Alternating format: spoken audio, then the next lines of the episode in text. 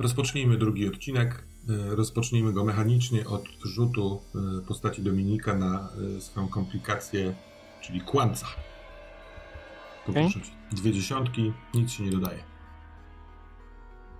11. 11. Co sprawia, że mam bodaj jeden wpływ, tak? Tak, tak zgadza się. O jedno kłamstwo za dużo. Prawda e, w pierwszej tej sesji miałem trzy wpływów, ale kłamca nie zagrał. Wpływ odszedł. To był taki dzień, w którym nie złapano się na kłamstwie. Hmm. Południa. Bo drugie pół przed tobą. E, zadzwoniłeś Dominiku do Remiego. Powiedziałeś mu, że masz coś ważnego do przegadania. Nie chciałeś tego robić przez telefon. Dowiedziałeś się, że on jest na działce. I cóż, masz w planach? Generalnie zabieram e, szybko to pudło mhm. e, i e, zamawiam taksówkę. Mhm. Zamawiam taksówkę. Jak najszybciej zamierzam po prostu wybrać się właśnie na miejsce tej działki. Mhm. Dobra. E, czy to zwykłe taksówki, czy Ubery jakieś? E, e, Uber. Mhm. myślę, że Uber po prostu właśnie przez aplikację tutaj te, na miejscu mojego zamieszkania. Te flashbacki, które pojawiły ci się parę razy, pojawiały ci się w ciągu tego dnia, y, odsłaniając trochę dziwne twoje zachowanie, no potwierdzone mokrymi butami, dziwnym pudłem pod łóżkiem i tak dalej, y, no znów przewijają, przewija ci się jak stukasz w telefon rozmawiając z Radosławem swoim y, jakby konkurentem, właśnie jadąc Uberem w nocy gdzieś Hmm, nie wiesz. Ale y, w, y, w, ciągu dnia, w środku dnia, jak teraz jesteśmy, y, Uber pojawia się dosyć szybko, właściwie za 3 minuty ma być pod twoją klatką. Więc bierzesz ze sobą te pudło. Hmm? Tak. Wycho- Suche buty, skarpetki jeszcze zmieniam szybko. Tak, tak, rozumiem. Kiedy otwierasz drzwi, upada kartka na klatkę. Mhm. Tak Ona jak, była tak jakby przyklejona do drzwi? Tak jakby wsunięta w szparę pomiędzy drzwi a, wiesz, framugę. Niewielki, wyrwany kawałek kartki. E, to schylam się i sprawdzam, co jest na niej napisane. Na niej nie jest napisane, tylko jest wydrukowane twoje zdjęcie z jakiegoś, z jakichś social mediów. To jest możliwe? Masz swoje fotografie na Facebooku?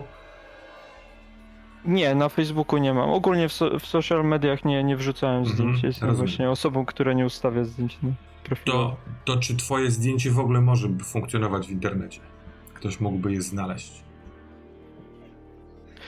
E, myślę, że tak. Myślę, że na spotkaniu z jakimiś znajomymi pewnie było jakieś zdjęcie grupowe, więc jakby ktoś się wysilił, to, to mógłby mnie namierzyć.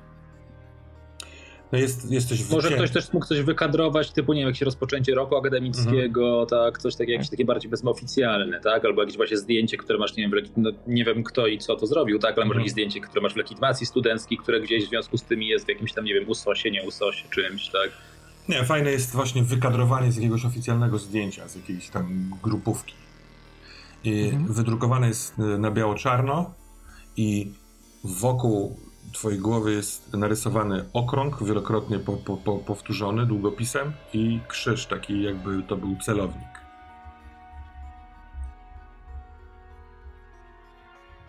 E, na razie chowam to zdjęcie do kieszeni. Aha. E, patrzę jeszcze tylko tak szybko na, na ścianę obok, w ogóle na te drzwi, czy jeszcze coś tutaj, nie wiem, ktoś coś pomazał, zostawił mhm. coś więcej. Nie, nie. Poza tym e... wygląda to bez zmian. Jasne. E, to schodzę szybko, bo zaraz pewnie będzie na miejscu ten Uber. Mhm. E, jeszcze właśnie tam czekając przed klatką, e, wyciągam to zdjęcie jeszcze raz i mhm. sprawdzam z tyłu, czy coś tam jest może napisane. Mhm. Nie, nic nie jest napisane. Ta kartka nie jest czysta. Ona, to tak jakby ktoś wyrwał kawałek kartki do, z papieru do drukowania ale widać takie, takie plamy y, ciemno-tłuste. Mhm. E, no to chowam ponownie, mhm. zostawiam to sobie do przemyślenia na wieczór, o czym może w ogóle chodzić.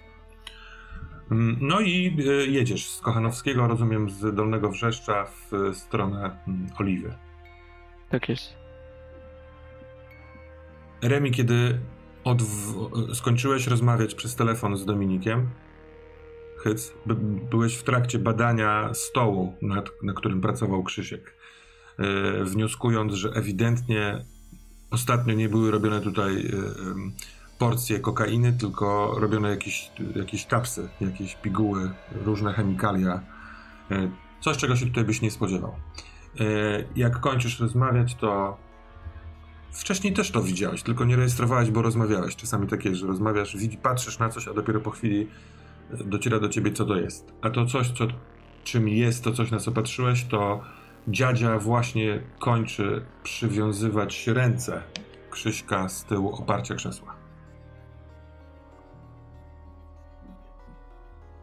Dziadzia, powiedz mi, czego my w ogóle szukamy tak naprawdę?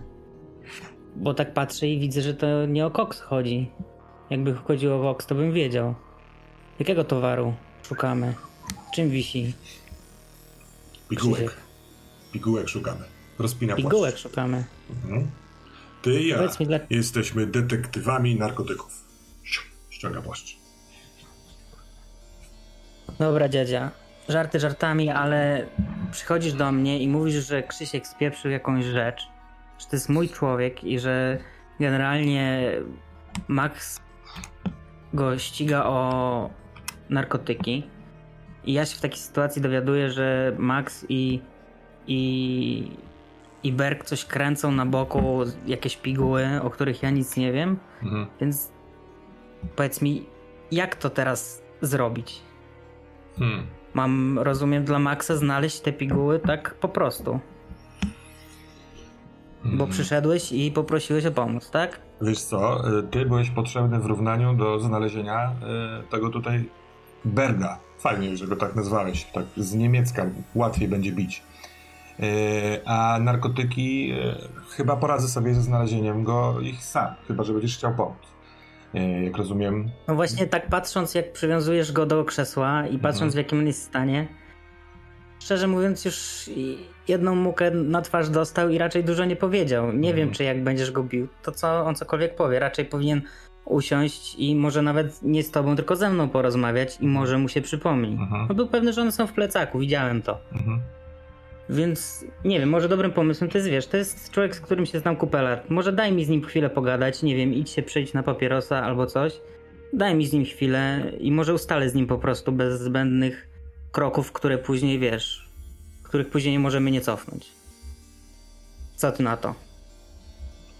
Wiesz, jak już pomogłem ci w tym i to czemu nie pomóc ci jeszcze się dowiedzieć, gdzie jest ta paczuszka, której szukasz, nie? Mhm. Podoba mi się to, że mimo wszystko próbujesz, jakby to powiedzieć, zawalczyć o swojego kolegę, człowieka. Co, to też nie jest tak, że ja tutaj będę jakoś niesamowicie walczył kolegę człowieka. No, ale... Chodzi mi o to, że Max potrzebuje towaru, który też chce zaplusować, a twoje metody wydaje mi się na mój rozum tutaj przy Krzysiu nie zadziałają. I na jego stan obecny. Powiedzmy, że możliwe, że moje metody nie są tutaj nakierowane na efektywność w sprawie znalezienia czegokolwiek, tylko są tu wycelowane na, na to, żebym ja się trochę uspokoił, a dwa, żeby może Berg nigdy więcej nie robił takich rzeczy. Chuj w te narkotyki. Znajdziemy, nie znajdziemy. Jasne? Ale jak orzekłem, podoba mi się to, co robisz. I poproszę cię, żebyś rzucił w takim wypadku na wpływ na innych. Zobaczymy, jak pójdziecie. Do rzutu dodaje się charyzmę. Dobra. A ty, Krzyśku, Daje się budzisz się. 3. I mam 18 plus 3, 21. Huh. No i to są rzuty. Więc zróbmy tak. Pierwszy. Idę na, te, na papierosa tutaj na zewnątrz. Stanę sobie pod daszkiem i wypalę, ile się pali papierosa. E, pada deszcz, więc nie będę tam się delektował, więc powiedzmy 2,5-3 minuty. i zobaczymy, co się stanie.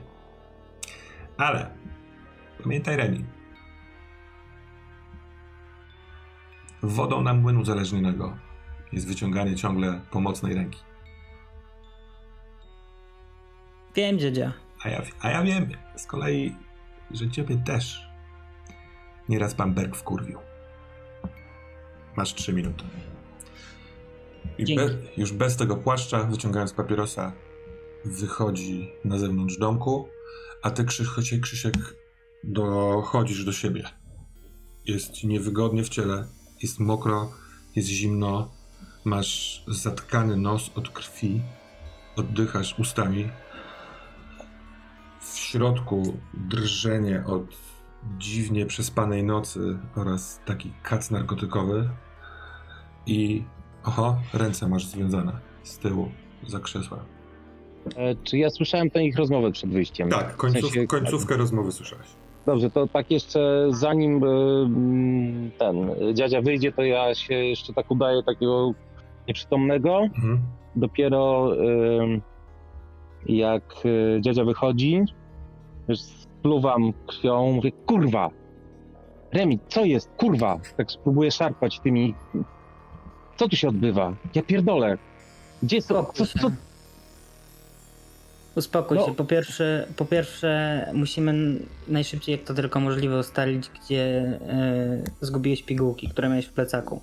Masz jakikolwiek pomysł, gdzie one mogą być? Wiesz to chyba, ja nie wiem, ja nie wiem, wiesz co, byłem, byłem, byłem na strasznym haju, ja pierdolę. Ale kogoś dostałem od, od, od Maxa, ja pierdolę. Wiesz co, ja widziałem... Wydaje mi się, wydaje mi się, że, że widziałem Dominika, ale ja nie wiem. Widziałeś Dominika, co? Czyli miałeś pigułkę, ja miałem, widziałeś ja miałem, Dominika ja miałem, i film. Ja miałem, ja miałem to wszystko w plecaku, naprawdę. Słuchaj, ja nie ściemniam. No to by bym nie ściemniał. Kurde, plecak, widziałeś plecak, no przecież wam dałem. Pokazałem wam plecak. Dałeś, tak, dałeś pusty plecak. Rozumiem, że byłeś z Dominikiem, tak?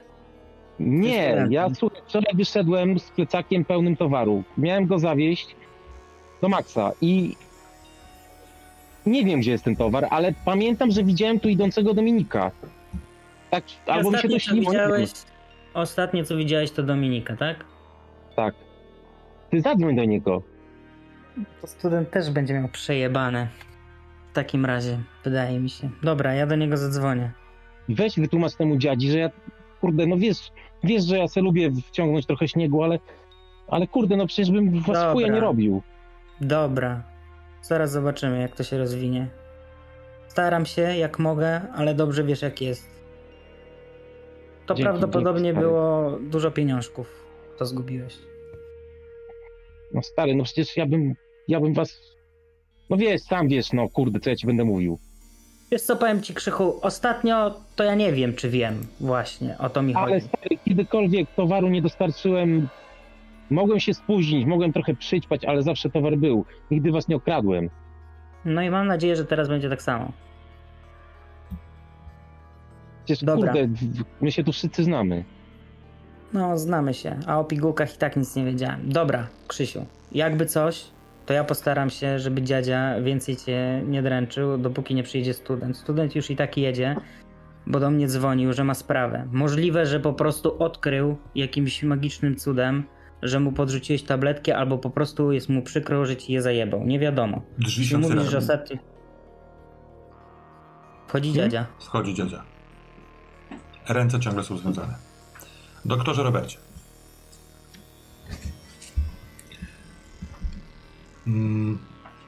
Ta para wyszła.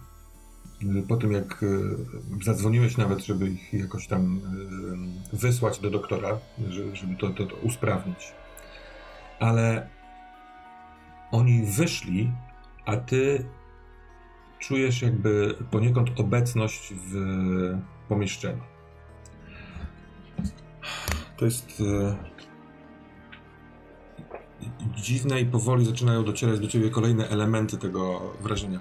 Na początku jeszcze trzesz lewą ręką o prawą wierzch, e, wierzchnią stronę dłoni i zwrotnie, takim odruchowym ruchem, który zrobiłeś już kilka razy dzisiejszego dnia. E, tak jakby e, spopielone włoski na dłoniach od tego ogniska, które tylko widziałeś we swoim wspomnieniu.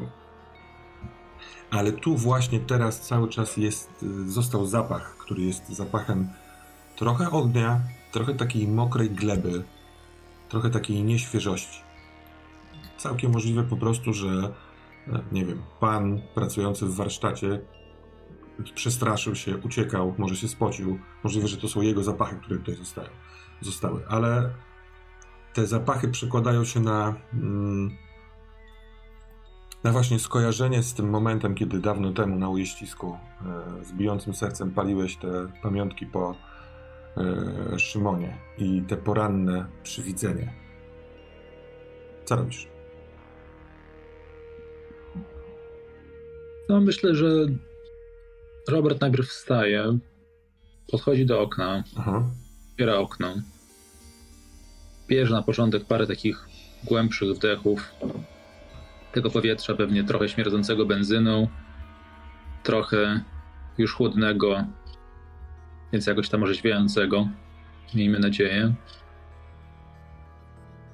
A po kilku takich głębszych wdechach wraca do swojej torby, przypominając sobie, że chyba machinalnie wręcz wychodząc z domu, zapakował coś, czego co swego czasu przy sobie nosił, a teraz od jakiegoś czasu już dawno nie. Mhm. Agata, jego przyjaciółka, kochanka, psychoterapeutka, zależnie od momentu, wypisała mu parę razy trochę jakichś takich leków na uspokojenie. Mhm. No i zostały mu jeszcze pewnie z dwa listki, jakieś tam nie, nieprzeterminowane, których już od jakiegoś czasu nie używał, ale wychodząc się z domu, kiedy wrócił ze strzelnicy po tych wszystkich e, po tych wszystkich wydarzeniach się machinalnie wrzucił to do torby, tak jak miał to w zwyczaju jeszcze 2-3 lata temu. I teraz po prostu wyjmuje mhm. napoczęty sporo czasu temu listek, wyciąga dwie tabletki, bierze szklankę wody, popija, po czym staje ponownie przy oknie, właśnie patrząc na Gdzieś w kierunku Starego Miasta. Przykuwa twoją uwagę ta kobieta, która tutaj była w tym gabinecie już paręnaście minut temu. Ona w, ewidentnie w drodze do szpitala jest tak w połowie drogi i się rozgląda. Nie ma jej męża. Rozgląda się z takich niewiele drzewek na trawniku i ona pomiędzy tymi drzewami nawet woła, elo! I później tak jakby coś dostrzegła dalej w stronę szpitala, do którego wysłałeś i idzie tam szybkim krokiem. A jego gdziekolwiek widzę? Nie.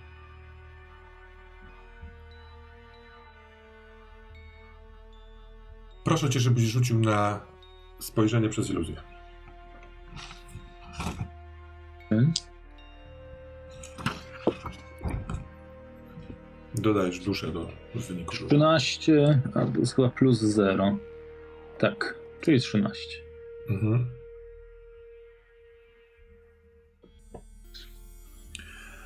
Pomiędzy. E, nieopodal tego miejsca, w którym widziałaś tę kobietę, która się rozglądała wśród drzew, widzisz na, na, na trawie, takiej właśnie jesiennej, namokniętej, już żółknącej trawie, e, Coś, co musisz, wiesz, dojrzeć, przyjrzeć się poprzez smugi deszczu i masz wrażenie, że widzisz, nie wiem, miejsce na ognisko, taki czarny krąg, który po pierwsze nie pasuje do miejsca, w którym jesteśmy, bo to środek miasta, tu się nie pali tak ognisk. Po drugie, masz wrażenie, bo to jest widok z twojego gabinetu, że nigdy czegoś takiego tam nie widziałeś. A po trzecie, że jest identyczny w kształcie i wrażeniu, jak to, co widziałeś dzisiaj na strzelnicy, kiedy pyks, wróciły ci wspomnienia. Kiedy wychyliłeś się za ogniska w poszukiwaniu tego kogoś, kto miał twarz jak twój brat, a jego tam już nie było, a na ziemi tylko była właśnie taka czarna dziura.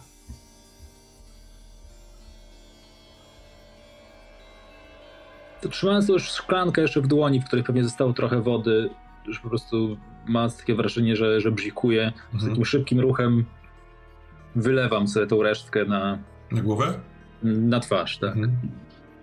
Pewnie taki moment otrząśnięcia się, pewnie tam po, po którymś oku poszło. Aha. To był taki machinal, machinalny ruch, potem przytarcie Ale zadziałało, tyle zadziałało. Po pierwsze, pochlapałeś wokół w tym gabinecie, coś tam trzeba wytrzeć, ale nie ma tam żadnej dziury. To jest oczywiste. Nie wiem, może ze zmęczenia. No, zamykam okno. Mhm. Wracam na chwilę jeszcze do komputera. Piszę jakąś notatkę pacjencie, bo zwykle podczas mhm. wizyty nie ma dosyć dużo czasu, żeby, żeby wszystko zanotować, więc póki jeszcze pamiętam, mhm. notuję. No i jeśli nie mam, nie wiem, czy jeszcze mam jakieś dalsze wizyty. Miałeś mieć jeszcze pacjenta, ale właśnie dostajesz teraz informacje na tym takim, powiedzmy, telekomie czy telefonie, czy, czy informacje w systemie komputerowym, że wizyta została odwołana. Więc tak naprawdę masz, nie wiem, godzinę do przepękania tutaj, jeśli chcesz, albo w związku z tym, że nie ma zamówionych wizyt, masz koniec pracy. Myślę, że zamykam gabinet, biorę swoją torbę. W torbie jest butelka dobrego Porto, mhm. prezent dla małego, plus jakieś normalne, codziennie, codzienne rzeczy. Chowam też swojego laptopa, z którym tu przyszedłem. Mhm. Po czym zamawiam Ubera i jadę na PKM Strzyża. Okej. Okay. To z Karoliną myślę, że jestem umówiony jeszcze. No tak, na wieczór. jeszcze teraz... nieco później, szczególnie jeśli pracę skończyłem wcześniej niż planowałem. Strzelam, że może być w okolicy, nie wiem, 14, coś takiego. Tylko o 14 chyba zaczynałem akurat, ale tutaj. Ale... No, dobra, tak, tak, tak. No to może być trochę później, rzeczywiście. Ty jeszcze robiłeś wcześniej te zakupy właśnie takie pod tą wizytę. Jasne. Ale na pewno jeszcze nie ma wieczorowej pory na to spotkanie z Karoliną. Jedziesz na e, PKM Strzyża. Dobra. Dominik, jedziesz Uberem. Eee, no jest właśnie taki środek dnia, więc e, tu i ówdzie są trochę zakorkowane ulice, trochę jest stania.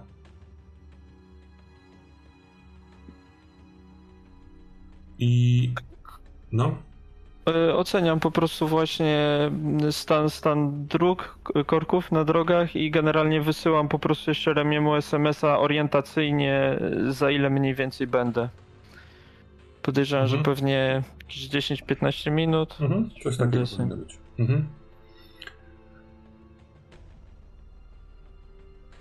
Masz wrażenie, że kierowca, który nie gada, który sobie słucha muzyczki yy, konkursu Szopenowskiego, co jest dosyć zaskakujące, jak na kierowcę Ubera. Zdecydowanie. Ale tak, jedzie z koksem. Ale cały czas zagląda w lusterko, tak jakby przyglądał się może tobie, Chociaż jak y, za, zaglądasz po skończonej wiadomości do Remiego, to on znów zagląda w to lusterko, ale nie patrzy na ciebie, tylko za, jakby wiesz, w, na tył samochodu. Mhm. E, wiesz co, to ja w takim razie e, patrzę trochę na, na niego, na jego mhm. spojrzenie. Chciałbym też troszkę ocenić, czy on jest czymś zestresowany, czy, czy coś go zafascynowało. E, po, po wzroku mniej więcej, po mimice. E, I też się odwrócę za siebie, e, żeby sprawdzić, e, czy coś tam widać. Po pierwsze, tak. On z niejakim zadziwieniem patrzy na jakąś sytuację, która się dzieje za samochodem. Może bez przejęcia, tylko po prostu na coś osobliwego. I kiedy się odwracasz, to rzeczywiście może nie bardzo osobliwe, ale no dla ciebie dużo bardziej niż dla niego. Bo z trzy samochody dalej akurat stoicie właśnie w, w, czekając na zmianę świateł. Otwarte drzwi od strony pasażera, nachylony do środka mężczyzna, e, który tak jakby rozmawiał z kierowcą i w pewnym momencie wsiada do samochodu. Ale dla ciebie jest to o tyle bardziej osobliwe, że w momencie wsiadania robi ten ruch tak jakby musi wyciągnąć głowę z kabiny i wtedy się wsunąć, więc przez chwilkę widzisz nad otwartymi drzwiami jego twarz. I to jest mężczyzna, który obserwował twoje okno, a potem podszedł do kiosku, a później zniknął za rogiem. A teraz wsiadł do powiedzmy trzeciego samochodu w kolejce za wami. Jeszcze takie pytanie. Y, była szansa, nie wiem na ile ten moment długo trwał, żebym ja przynajmniej tak pobieżnie zrobił zdjęcie? E, teraz w tej sytuacji. Szybę? Mhm. Nie, no nie bo bardzo. on był, jakby miał głowę w samochodzie, no nie? Opartą no rękę tak. o otwarte drzwi i zdecydował się wsiąść, więc zrobił dosyć płynny, szybki ruch. Jasne. A ciebie, jako że jedziesz z pudełkiem zupełnie w, inne, w innej sprawie, to poproszę cię o rzut na komplikację konkurent. Okej. Okay. O, e, tam się coś dodawało? Nie. No to cztery. O. No to mam trzy wpływy za twojego konkurenta, którym jest Radosław, z którym w nocy miałeś zażartą, powiedzmy, dyskusję, może spór. Dobra. Co robisz? Czy, eee... Znaczy, czy robisz cokolwiek, czy czekasz na dojazd na działkę? No ogólnie jestem e, raz, że zaskoczony tą sytuacją, to znaczy spotkaniem ponownym tego mężczyzny. Ogólnie też zestresowany, bo wygląda to trochę tak jakby coś ode mnie chciał, zwłaszcza, że e, jeszcze miałem to dziwne zdjęcie. E, nie wiem akurat, czy to jego sprawka, natomiast e, no niepokoi mnie ta sytuacja, więc póki co jeszcze nie podejmuję żadnych konkretnych działań. Mhm. Poza tym, że wysyłam SMS-a do czarka mhm. Mm, na zasadzie jest fuck up. Wieczorem powinienem być albo przynajmniej zadzwonić. Jeżeli się nie odzywam, to jest problem na tej zasadzie. Mhm. No i póki co też tak co jakiś czas zerkam tam trochę do tyłu, żeby zobaczyć, czy, czy no nie wiem, coś jeszcze niepokojącego ten mężczyzna będzie robił. Ale póki co próbuję jakoś w miarę zachować spokój. Mhm. Mm, kiedy samochód rusza na tych światłach, to yy samochody się rozjeżdżają, jedne, na, jedne skręcają w prawo na ulicy Hallera, drugie w lewo na węzeł kliniczny. Ty jedziesz pod mostem do Grunwaldzkiej i ten samochód też jedzie w tą stronę. Obecnie jest yy, za wami. Okej. Okay. Jeszcze pytam, yy, w pewnym momencie tak rzucam do kierowcy tak trochę pół żartem, pół serio, żeby się nie przejął za mocno. Yy, mówię tam wsiadał mój krewny. E, on jest trochę nadopiekuńczy. E, da radę jakoś tam trochę bocznymi uliczkami, żeby nie, nie, nie pojechał za nami? Hmm. E, jeździcie akurat na tyle wolno, że odwraca się w twoją stronę. Patrzy uśmiechniętymi oczami. Hollywood? Mamy zrobić ucieczkę. No tam, no, jak pana, da radę. Proszę pana, no jest, jest biały dzień, co prawda szary. Jesteśmy w Gdańsku na zatłoczonych ulicach. Nie mogę nic obiecać. No na pewno nie będę yy, szarżował z prędkością. Ja zdaję sobie sprawę, po prostu na tyle, na ile się uda.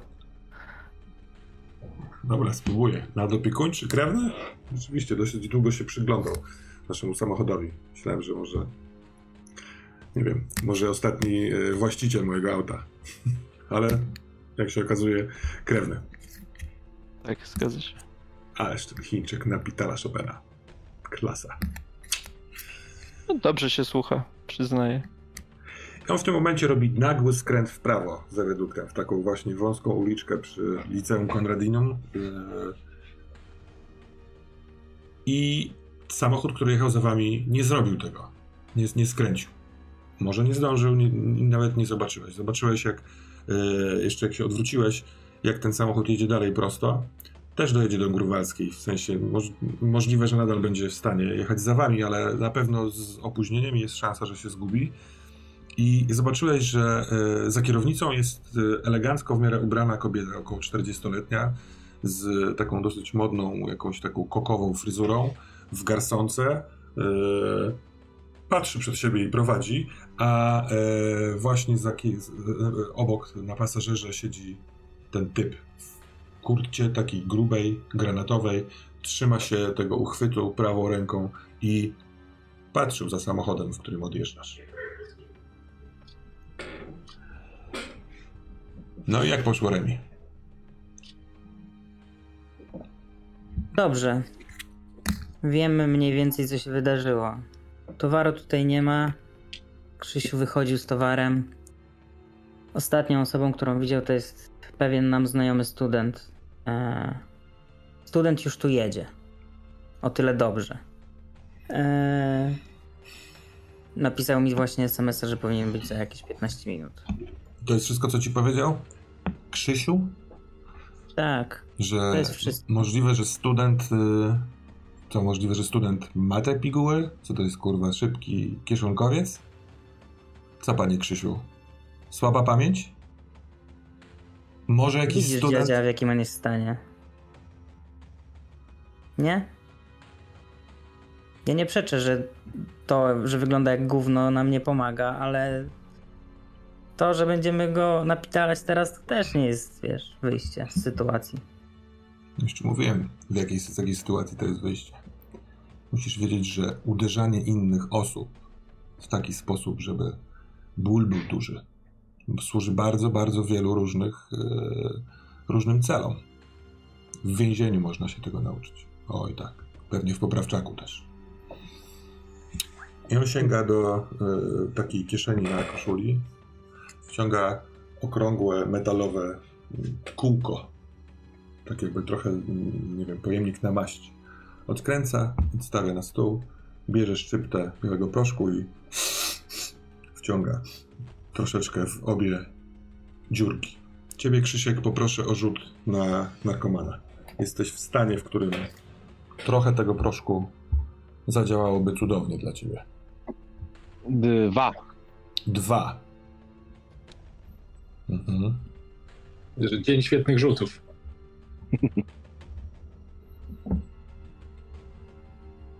Dobra. Mm, Krzyśku,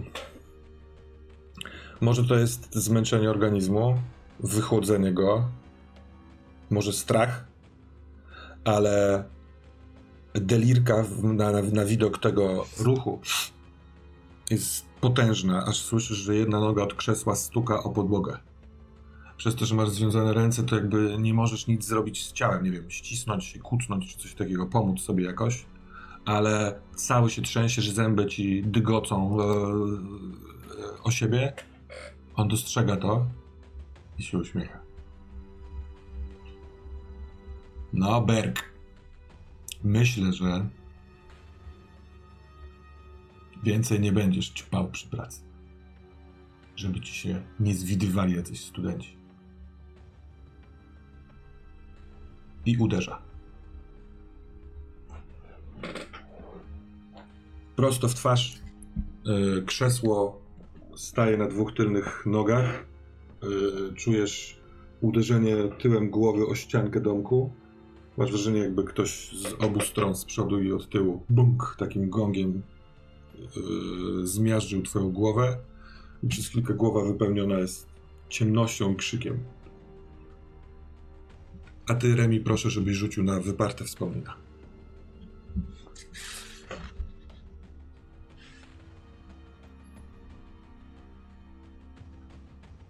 Sześć i dwa to siedem, osiem. No. Witek Hanut. Chłopak w twoim wieku.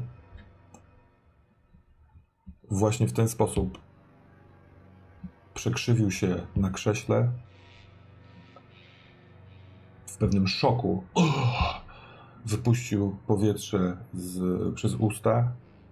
Z nosa nie mógł, bo trysnęła krew odbił się tyłem głowy od ściany, tak jak teraz Krzysiek, i wrócił na pozycję. Różnica jest taka, że nie miał związanych rąk i patrzył na ciebie po tym twoim ciosie. Z przerażonymi, zszokowanymi i powoli oddającymi się obłędowi oczami. To chłopak, który tak jak ty codziennie dostawał w pierdol w bidulu od naszego o rok starszego kolegę, kolegi Olka.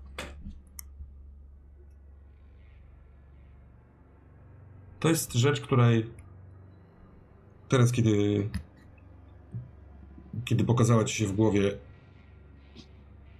od razu wiesz, że jest prawdziwa i że się wydarzyła. Czy miałeś może 16 lat? Gdzieś w tych okolicach. I dociera do ciebie, że przez te całe dorosłe życie ani imię Witka Hanuta, ani Olka, Olo, tak nakazano na siebie mówić, nie pojawiało się w twoich myślach. A ty, żeby z, zdjąć z siebie te oczy Witka, ten zszokowany, przestraszony, rosnący w furii wzrok, płacząc, uderzyłeś jeszcze raz. Jeszcze mocniej, słysząc śmiech Olka. Ha, dobrze, dobrze, Remigiusz. Właśnie tak. On stoi z boku, Olek, ma nogę opartą o ścianę, opiera się o ścianę. Jest rok starszy, nie wiem, ma jeansową katanę. Stoi jeszcze taki je, je, jego przydupas, taki tłuk, ale duży, dosyć gruby, wysoki. Michałek. I obaj patrzą takim głodnym, obmierzłym wzrokiem. Jeszcze paręnaście minut temu to ty właśnie siedziałeś na tym krześle i dostawałeś łomot. I to wspomnienie ups, przekręca się, znów jest te paręnaście minut wcześniej i ty siedzisz na krześle. Z takimi emocjami, jakie teraz, jakie przed chwilką jeszcze widziałeś w oczach Witka. Połączenie strachu i bycia na granicy pęknięcia, szaleństwa zupełnego. Niech to się skończy, kurwa, niech oni dadzą ci spokój. I Olek mówi, i to właśnie, Remigiuszu, mógł być mój ostatni cios w twój tępy. Jeśli przystąpisz do nas, to już na zawsze damy ci z Michałkiem spokój. Prawda, Michałek? Prawda, Michałek? Jak mówisz, szefie? Więc to jest ważny moment w życiu każdego młodego mężczyzny, Remku. Musisz podjąć decyzję czy będziesz w życiu owcą, która będzie dostawała w pierdol codziennie, czy zamienisz się w lwa, który ten pierdol będzie spuszczał? No? Powiedz, co wybierasz? Co wybierasz?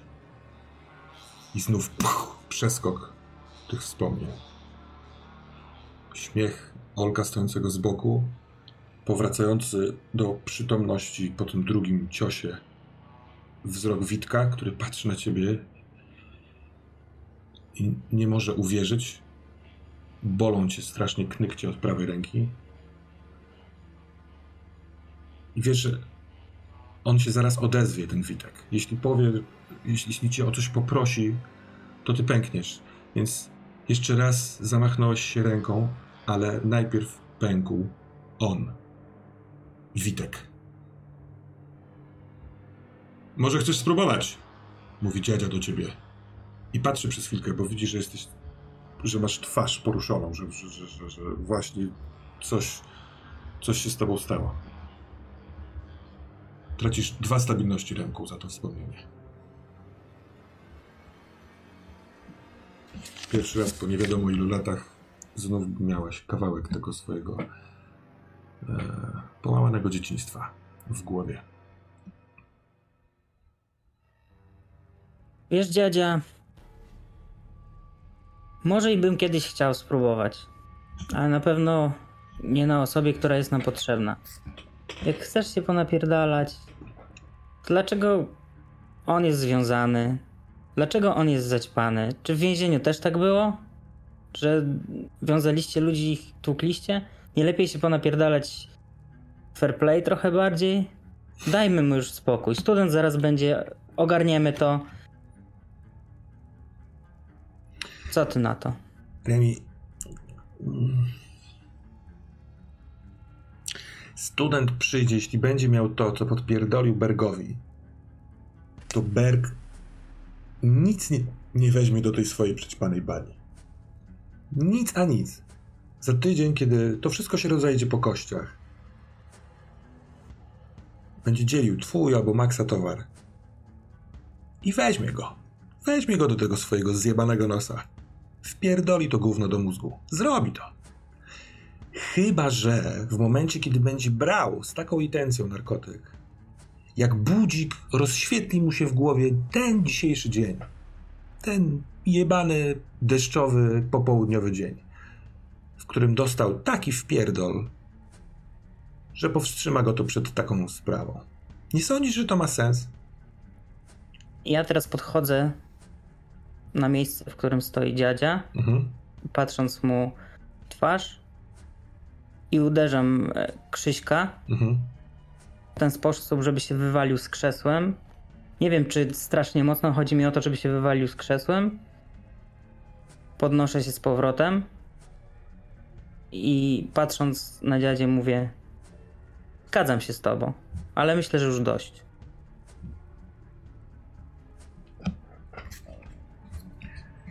Dobrze. Mam słabość do ciebie, ręku. Eee, nie znamy się za dobrze, ale masz coś w tej twojej twarzy, co mówi mi, że coś podobnego jest. Dlatego pójdę ci drugi raz na rękę. I na razie dam mu spokój. Niech sobie leży. Niech popatrzy na świat z tej dziwnej perspektywy.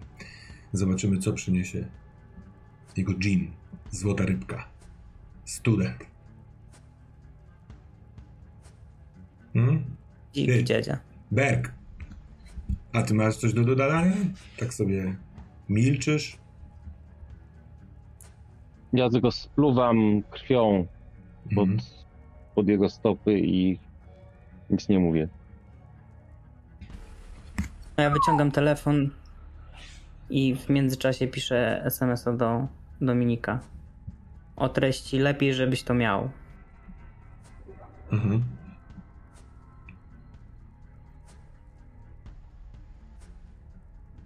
Dobra. Panie Robercie, zajeżdża Uber na Smoluchowskiego, wsiadasz i jedziesz. To też trochę trwa. Trafik yy, i to mi, ta lokalizacja jest taka, że przez tą grunwaldzką yy, trochę się jedzie, trochę się stoi. Stuka deszczu dach, stuka deszczu dach. Co prawda nie masz świadomości, że w innych Uberach słucha się Chopinowskich koncertów, u ciebie standardowe RMF, FFF, FM Max. Napierdala jakiś tępy wid. Myślę, że Robert wkłada własne słuchawki na uszy. Mhm. Jakiegoś Offspringa albo coś w tym klimacie mniej więcej. Hmm. Co też dość skutecznie zagłusza hałas, więc na chwilę pewnie najpierw się wyłącza. Z jednej strony Offspring w uszach, z drugiej strony gdzieś ten deszcz za szybą. Mhm pewnie sprawia takie lekko, lekko hipnotyzujące wrażenie. W którymś momencie wzdychając ciężko wysyła krótkiego SMS-a do wspominanej wcześniej Agaty. Mhm. Polecisz mi kogoś po fachu? Hmm. Przychodzi SMS od razu z odpowiedzią.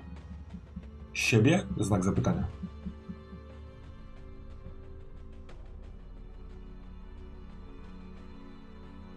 Jeszcze na uczelni?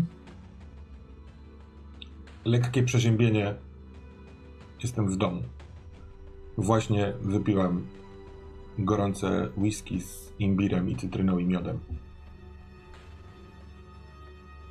A ty wolny? Następny SMS.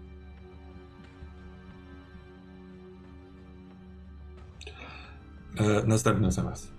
Panie doktorze, mam złamaną rękę i ikonka e, Taki, wiesz, przedramię, przedramię i dłoń. Czyli nie COVID. Odpisuję z uśmiechem. Leżę u, siebie, leżę u siebie w domu w maseczce. E, tak, po tym jak, jak zapytałeś za pół godziny, odpisanie OK. Możemy zmienić kurs? Zmienię w aplikacji. Mhm.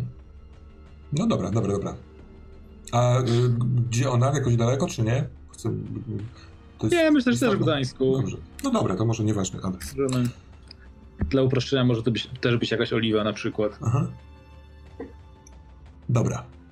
Dominik, wyjeżdżacie z, na główną ulicę, wyrównuje się samochód, staje w szeregu samochodów, które jadą na północ w stronę Oliwy i w samochodzie w pasie, na, na pasie obok jedzie pan Robert Ostrowski, doktor, który przesłał ci MMS-a dzisiaj. Uśmiecha się, coś tam grzebie w telefonie, ma słuchawki na uszach. Macham mu. E, no i ogólnie w zasadzie wracam do, do swoich spraw. To jest mhm. też e, do telefonu ogólnie. E, czy Czarek mi coś odpisał? Nie. Na ty, ty moje... Nie. Okej, okay, dobra, tutaj nie ma update'u. Nie wiem, czy to SMS, czy e, Messenger, ale czym ty to tam wysłałeś? E, SMS ogólnie mhm. tutaj. Nie ma. To jest... Do, do pilnych spraw właśnie wysyłam SMS-y zawsze.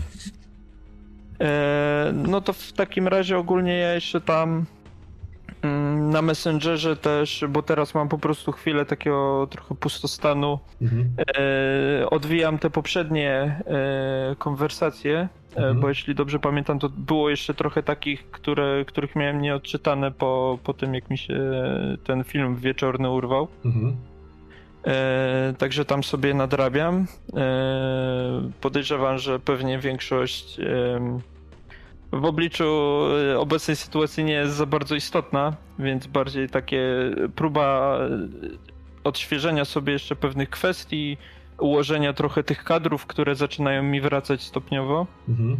E, jeszcze właśnie się też trochę nerwowo rozglądam tam, e, patrzę e, na sznur samochodów za nami, mhm.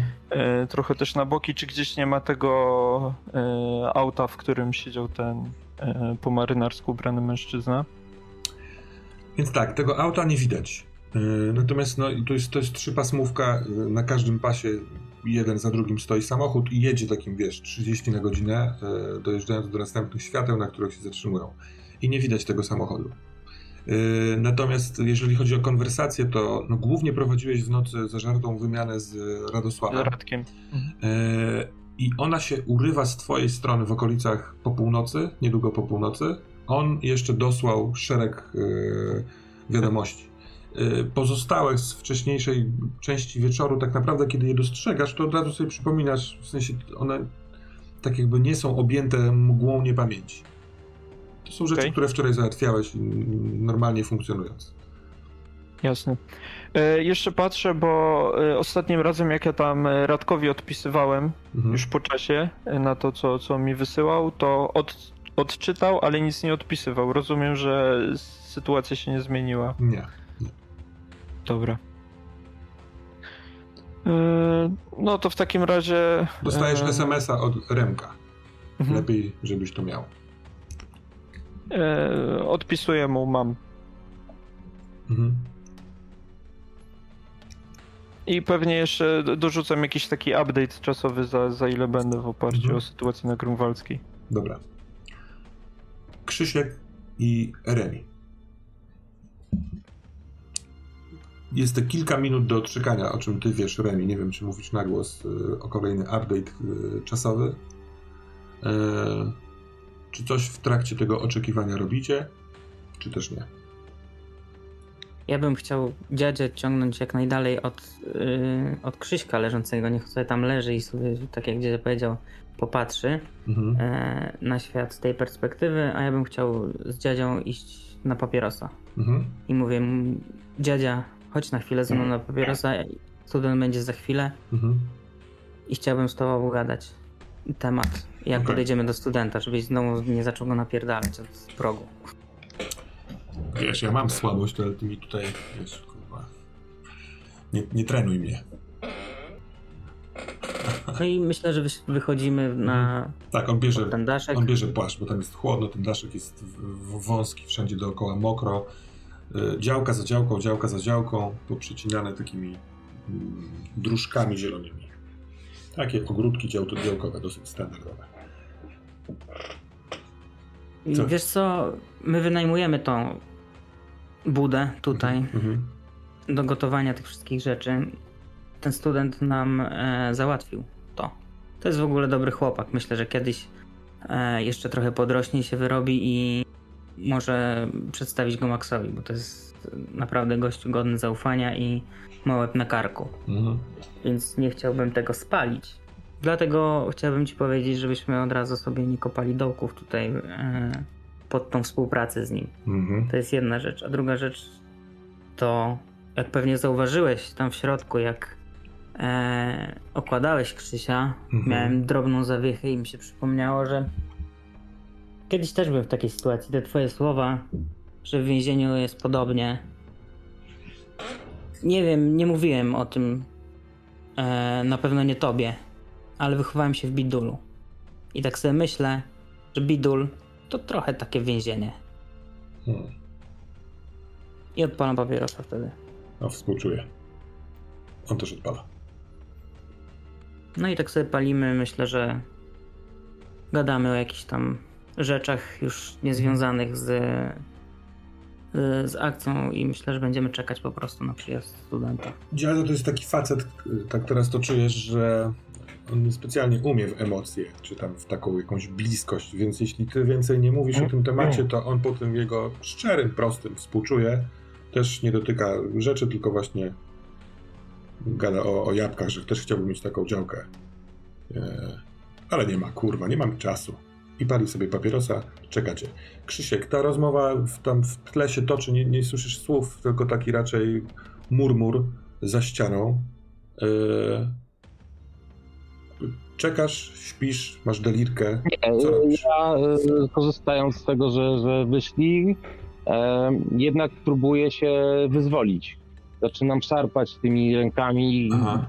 cokolwiek, nie wiem, rozglądam się też leżę, tak? Bo ja rozumiem, że leżę. Tak, tak, jesteś tak, wiesz, takiej pół, pół e, bocznej pozycji. No, wiesz, no, na tyle, na ile mogę, próbuję po prostu się wyzwolić z tego, z tego, te ręce wyzwolić, bo mhm. rozumiem, że tylko te ręce mam związane. Tak. Więc z, zupełnie łatwo jest ci się wyzwolić z krzesła, no nie? W sensie e, mhm. tak przekręcić ciało, żeby te ręce, które były za oparciem, nie były za oparciem, jeśli chcesz. A czyli one nie były przywiązane do krzesła, tylko one po prostu za oparciem były. Dokładnie okay. tak. Ja miałem to w głowie, że one są przywiązane nie, do krzesła. Nie, nie, nie. W momencie przewrócenia się możesz się od krzesła odczepić. Mhm. Na pewno wiesz, że masz tu gdzieś poukrywane, e, wiesz, jakieś takie rzeczy swoje na taką czarną godzinę. Jak teraz. Jak teraz. Jak teraz. Oh, jest ci zimno. Się cały trzęsiesz. Chcesz spróbować wydostać się z tych więzów? Tak, próbuję się wydostać. No to był jakby mój cel od samego początku, żeby się wydostać z więzów. To chcę, żebyś rzucił na działanie pod presją. Dodaje się do A, tego wy... opanowanie. No, opanowanie.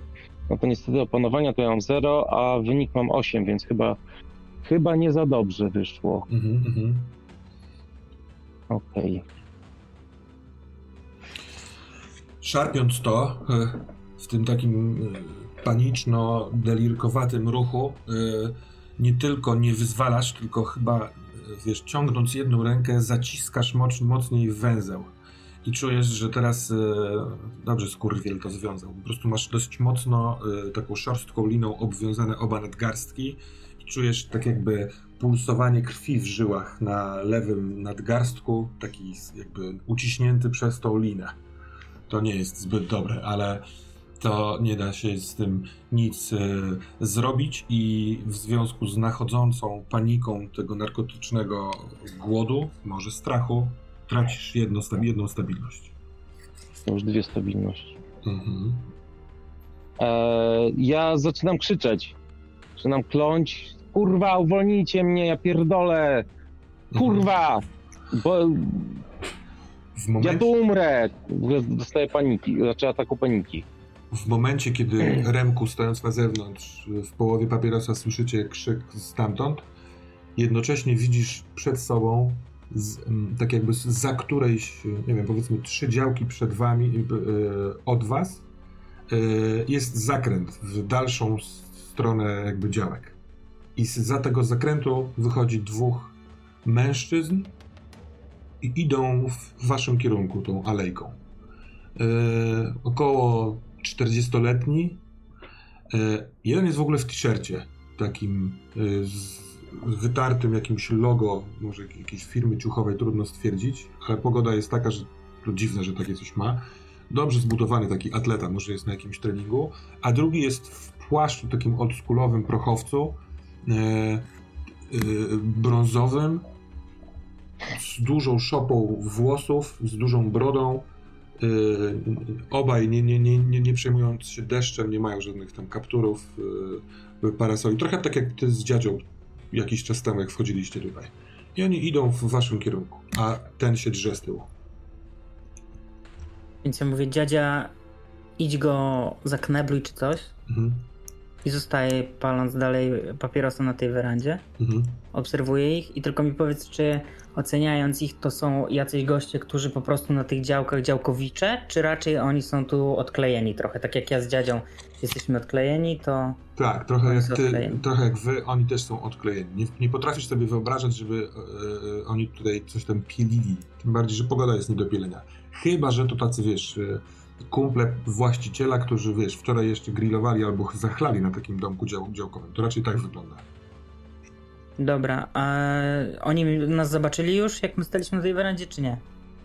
Tak, to bo odległość, co prawda odległość jest tam jakieś 100, 100 paręnaście metrów, ale yy, wasza weranda jest bardzo blisko tej alejki. Jest tam parę kroków płot, taki żywopłot, yy, bramka pomiędzy żywopłotami dwoma. No jak oni wyszli z tego zakrętu, to tak jak naprawdę trudno ci oszatować, czy patrzą na was, czy nie, ale ewidentnie w waszą stronę. No dobra, no to ja po prostu stoję na tej. Przed a, tym domkiem, paląc papierosa spokojnie, a dziadzia. Dziadzia wchodzi do środka. Dziadzia wchodząc do środka, do środka mówi: Znasz tych typów? Nie. Wchodzi. Krzysiek, drąc się, rzeczywiście coś uzyskałeś, bo się drzwi otworzyły, ale wchodzi sam dziadzia. Eee, śmieje się. Eee, podchodzi do ciebie i kładzie dłoń na twoim czole. Cicho. Cicho. Nie chcę ci wtykać nic w pysk, żebyś się zamknął, więc po prostu się uspokój. No, ja się nie uspokajam. Zaczynam rzucać bluzgami. Mówię, kurwa, chcecie mnie tu zamordować, chcecie mnie zabić. Kurwa, ja wam nic nie zrobiłem. Chcesz, żeby tu policja Dominik, przyjechała? To Dominik, to Dominik. Kto to jest Dominik? Co kurwa, policja? Sam tu zostaniesz, policja, kurde, co ci policja da? No, nic mi nie da. Tobie też nie. Powiem, że tu byłeś, powiem, że tu byłeś. Powiesz, że tu byłem. To, to nie mądre. Wszystkim wam powiem, wszystkich, o wszystkich powiem. On wkłada kciuk w, twoje, w twój oczodół. Tak pod, jakby po, pomiędzy powieka a kość. To jest straszny ból, tak jakby ktoś igłę włożył i zaciska i zamknij się. Krzyczysz, czy, czy słuchasz się? No krzyczę, oczywiście, że krzyczę. No to wciska to mocniej. Masz wrażenie, że gałka oczna zaczyna napierać na powiekę. Ale on puszcza w pewnym momencie, śmiejąc się. A zresztą zobacz, jacyś goście idą.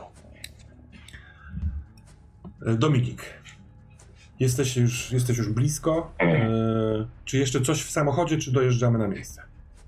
Zresztą, nie, myślę, że dojeżdżamy na miejsce. Trochę podobne pytanie do ciebie, doktorze Robercie, bo ty też e, zobaczyłeś machającego do ciebie Dominika. E, czy coś jeszcze chcesz przez tę chwilkę z nim w jakiejś interakcji, czy jedziesz do e, Annety, czy Agaty? Agaty. Agaty. Myślę, że wysyłam tylko mu SMS-a. Dzień zbiegów okoliczności. Uśmiech. Okej. Okay. Podsyłam sam uśmiech. Dobra. Czyli Dominik na, na działki, y, Robert do Oliwy, do mm, Agaty. To jeszcze przez chwilkę pobędę z Remigiuszem i z Krzyśkiem, bo e, Remek, słyszysz nieustający krzyk, tak jakby dziadzia nie potrafił sobie poradzić, albo no nie wiadomo, nawet było Krzysiek to bardzo podniesionym głosem to, co krzyczy, wykrzykuje, więc słyszysz to, co się dzieje. I ci dwaj mężczyźni też to słyszą. Idąc w waszym kierunku, patrzą na ciebie e, i im są bliżej, masz wrażenie, że oni nie idą gdzieś tam w pizdu dalej, tylko powolutku kierują się na bramkę pomiędzy twoim żywopłotem. W sensie tak jakby do nas chcieli wejść, tak? Tak, tak. I ta realizacja tego, tego ich zamiaru jest w momencie, kiedy właściwie skręcają, żeby dojść do bramki, cały czas patrząc się na ciebie. Ten w t-shircie jest y, ogolony, ma jeża i ma takie bardzo wysoko, mocno wystające kości, y, te brwiowe, takie, że oczy są gdzieś tam głęboko, nawet ich nie za bardzo widać. Y, widzisz, że ma brudne od czegoś y, ręce, jakiś taki, nie wiem, smar, może dziwny tatuaż, ale tak, taką ma, ma, ma brudne przedramiona, a ten drugi w prochowcu z brodą, jego oczy widać. I to są bardzo uśmiechające się w zupełnie niepasujący do tej sytuacji, do krzyków Krzyśka sposób. Mhm. Jeden z nich kładzie klamkę na, rękę na klamce. I otwiera. Dzień dobry. Czym mogę pomóc? Nie odpowiadają. Ten w t-shircie wchodzi na teren działki. Więc ja strykając, rzucam mhm. peta w ich stronę, mhm. odwracam się i wchodzę do domku. Okej. Okay. E, kiedy wchodzisz do domku, to za tym w t-shircie wchodzi też ten w płaszczu na teren działki. Jesteś w środku, dziadzia wstaje od e, leżącego nie przy krześle, e, krzyczącego Krzyśka. Będziesz miał co chciałeś. Przyszło dwóch panów i chyba nie chcą rozmawiać. O. Uśmiecha się i idzie w stronę. Ale ja go łapię za ramię i mówię, poczekaj. Niech podejdą. Po co mamy do nich wychodzić na ten deszcz? Gdzie pudełko? Słyszysz za plecami. Słucham?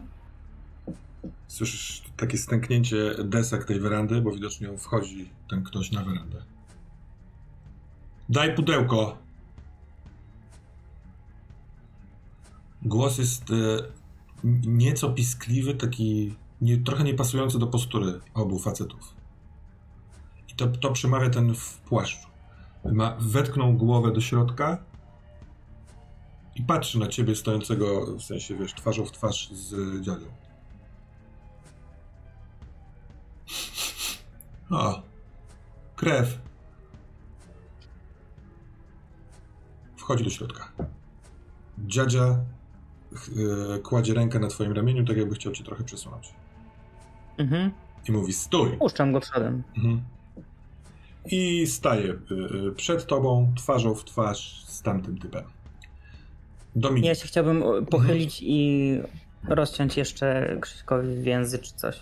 W sensie odwiązać go szybko. Kiedy... Chyba, że nie mogę w tej sekundzie. Nie, kiedy kucasz, żeby to zrobić, to orientujesz się, że e, no, więzy są bardzo, bardzo mocno zaciśnięte.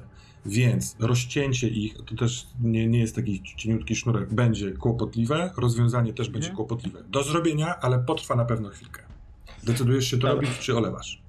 Nie, olewam. Dobra. Dominik, y, uberzysta jest na takiej dróżce y, pomiędzy domami jednorodzinnymi przy tej działce, a blokiem tam jest taki, wiesz, no ale to komuna time, takie rzeczy się działy. Jest wielki, wielopiętrowy blok nagle, dalej tam nie wiedzie, musisz dojść te kilka kroków na tak, działkę. jasne. Mhm. E, dzięki wielkie. Mhm.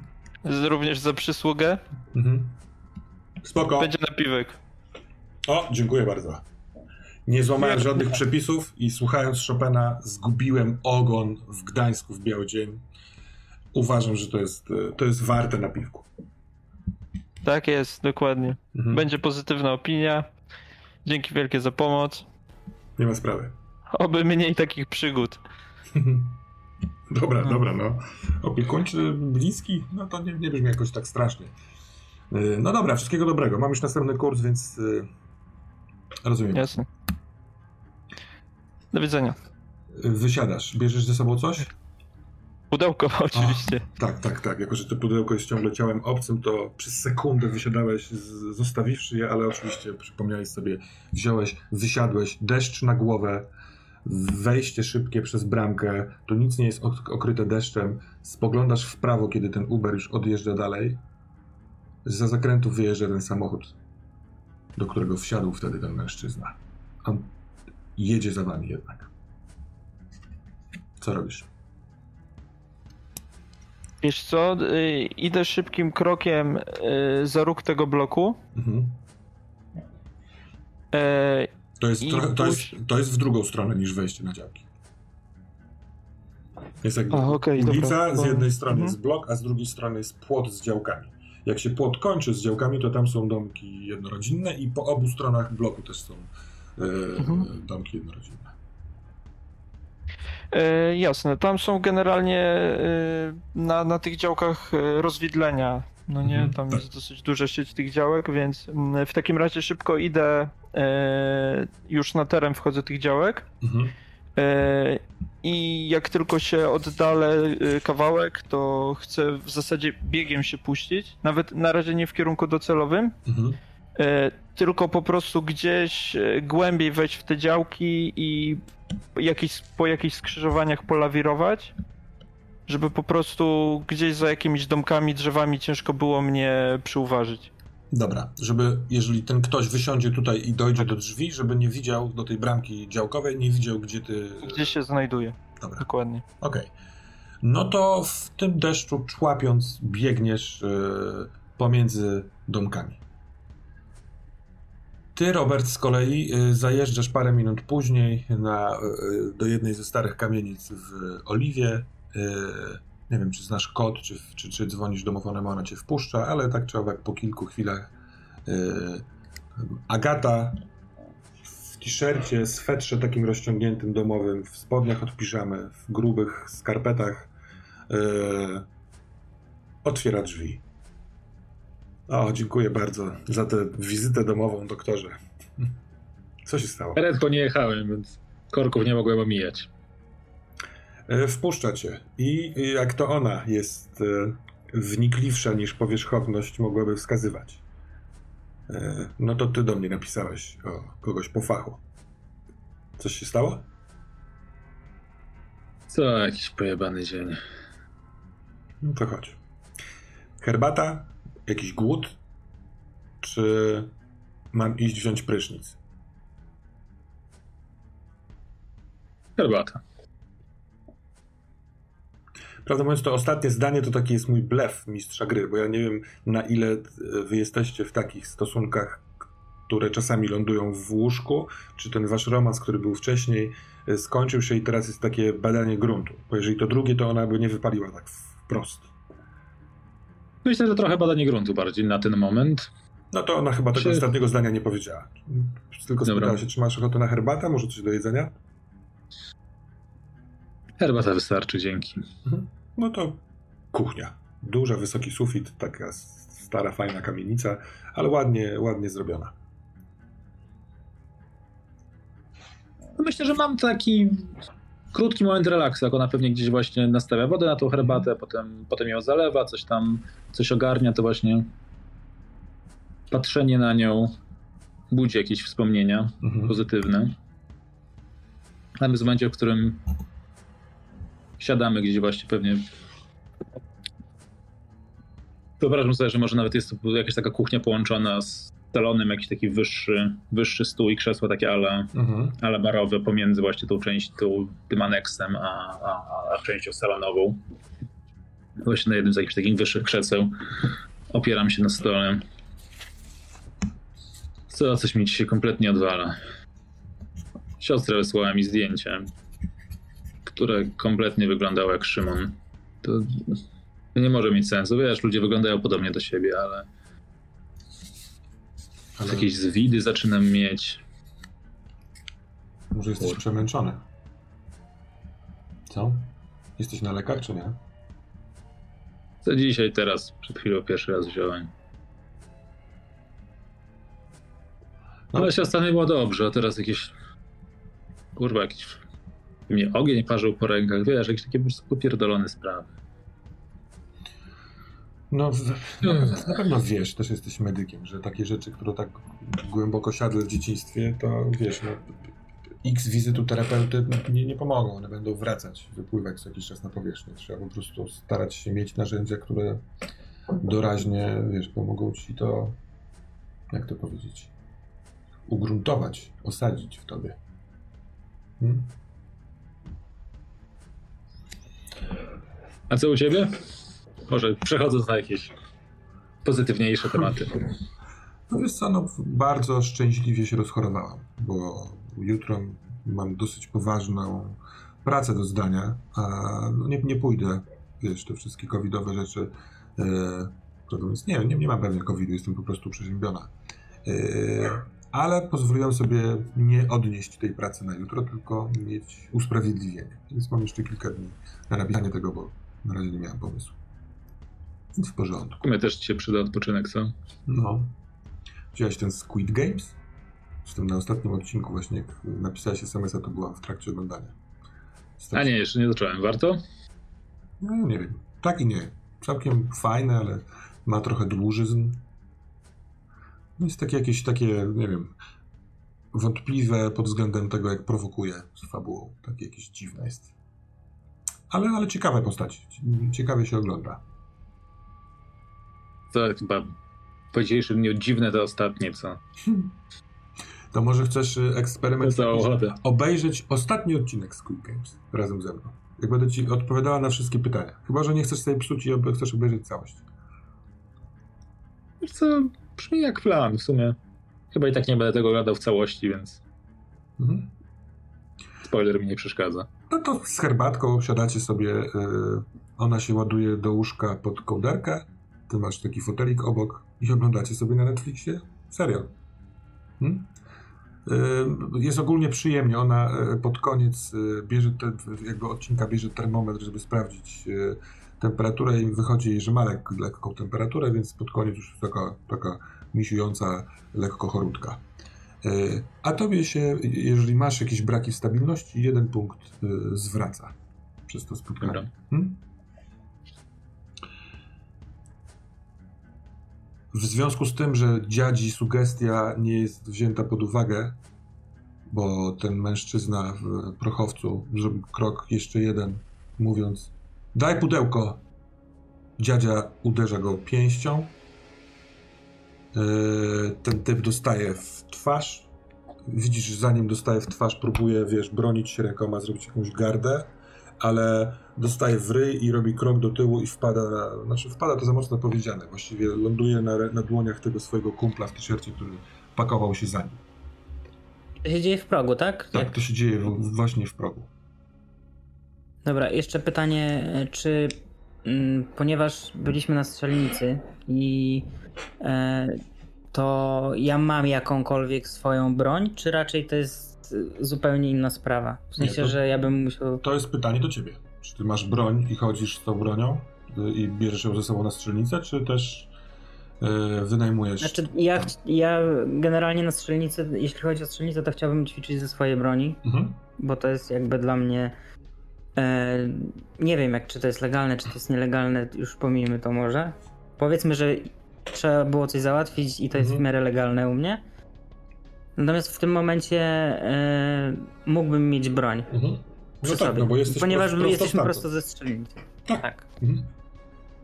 Więc mógłbym mieć broń, ale i mamy gdzieś ją tam przy, z tyłu czy coś, przy pasku czy coś, no nie? Mhm. Ale jej nie wyjmuję i no i idę z dziadzią po prostu. Nie umiem się napierdalać, ale po prostu jest adrenalina i jacyś goście weszli, trzeba wyjaśnić temat, nie? Jest jakby trochę wąskie gardło tego wy wydarzenia, bo ten domek na działce w ogóle nie jest y, dużych gabarytów, ale mhm. dziadzia idący na faceta, który już wszedł, y, sprawia, że trochę to nie będzie łatwe tam się zmieścić ramię w ramię. Ale. Ja wiem, za nim chcesz, jestem Tak, jesteś za nim i dociera do ciebie z, od strony tych mężczyzn przedziwny warkot. Oni warczą jak jak naprawdę duże, wściekłe psy, tak z głębi. Tak jakby nie robili tego gardłem, tylko coś w środku warczało. I ten wark jest e, głośny, obecny w całym tym domku. Tu też, Krzysiek, słyszysz dwa warczące e, zwierzęta, tak naprawdę. E, tobie, Krzysiek, na tym całym głodzie zmysły szaleją, ty w ogóle czujesz sierść, czujesz taką właśnie dziki zapach zwierzęcy, tak jakbyś był właśnie w środku lasu, wiesz, face to face z jakimś zwierzęciem. E, serducho napierdala ci Krzysiek straszliwie, bo wiesz, słyszysz, czujesz, cały czas jest agresja dookoła, cały czas jest adrenalina, tylko ty nie masz rąk, które pewnie już są sine i co będzie dalej. A ty, Remku, stojąc y, za dziadzią, widzisz, jak on od razu chce wyprowadzić drugi cios, ale ten, y, ten w płaszczu, który wylądował na rękach kumpla, wstaje i patrzy tym swoim uśmiechniętym cały czas wzrokiem e, w stronę dziadzi, a ten drugi w t-shircie podnosi rękę za jego ramieniem i ma w ręku nóż z zakrzywionym takim e, brzydkim, nawet z jakimś czarną plamą na ostrzu ostrzem. Okej, okay, no to w tym momencie od razu wyciągam broń. Dobra. E, Krzysiek, czy ty coś robisz w tej sytuacji?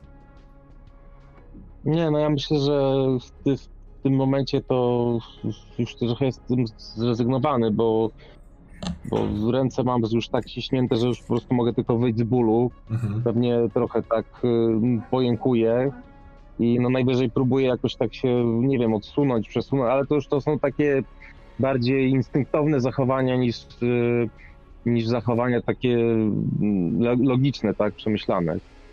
Mhm. to y, jakby odsuwasz się w tej takiej półleżącej pozycji, właściwie w leżącej pozycji, jak się domyślam, jak najdalej od wydarzeń, czyli w kąt tak, pomiesz- tak, tak. pomieszczenia. To jest, to jest taki po prostu próba ucieczki, odsunięcia się od tego, aczkolwiek no wiadomo, że bez większego jakiegoś pomysłu na to. Mhm. Dobra.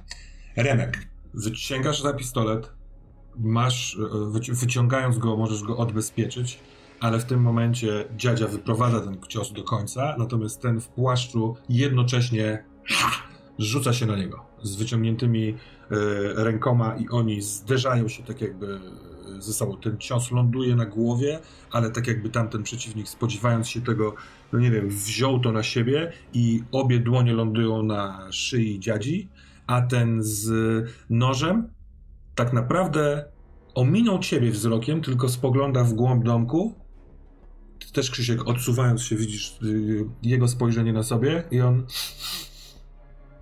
Gdzie moje pudełko? I chce zrobić krok w twoją stronę. Remku, ja chcę, co robisz? Ja chcę do niego strzelić, do tego z nożem od razu, Dobra. bo jak rozumiem, ci są w... W zwarciu. W klinczu, tak, w mhm. zwarciu. Czy jest miejsce na to, żebym ja oprócz nich, jak oni są w wejściu, jakoś tam do niego strzelił? Zupełnie na ośle, w sensie, żeby w Ale ogóle go trafić. Do tego z nożem, czy... Do, czy... do tego z nożem. Tak. Żeby to zrobić, musisz zrobić krok w tył, bok, tak żeby, wiesz, mhm. wyciągnąć swobodnie rękę wyprostowaną i nie uderzyć tą ręką tych dwóch szarpiących się. I tak naprawdę mhm. masz wtedy tego mężczyznę, no, wiesz, no, krok od lufy. Więc jeśli będzie, chcesz celować w głowę, to będę, będziesz rzucał, bo to może być kłopotliwe, on też się rusza w tym momencie. A jeśli chcesz nie, mieć chcę. pewny strzał, to strzelasz w tors i wtedy nie rzucamy. Tak, chcę go bardziej postrzelić niż zastrzelić. No to ten... jeśli mówisz postrzelić, to się dopytam. Tak, czy ty chcesz, nie wiem, w nogę go strzelić, czy próbować... Chcę go strzelić w to ramię, co trzyma nóż. Dobra. Jak rozumiem, on trzyma w prawej ręce nóż, tak. ja jestem tu, więc o, o tak? Tak. Mhm. I z tej strony jego prawego ramienia jestem, więc chcę strzelić w bliższe ramię te, które trzyma nóż. Dobra, to też yy, zróbmy to bez rzutu w takim wypadku. Um, sekundę.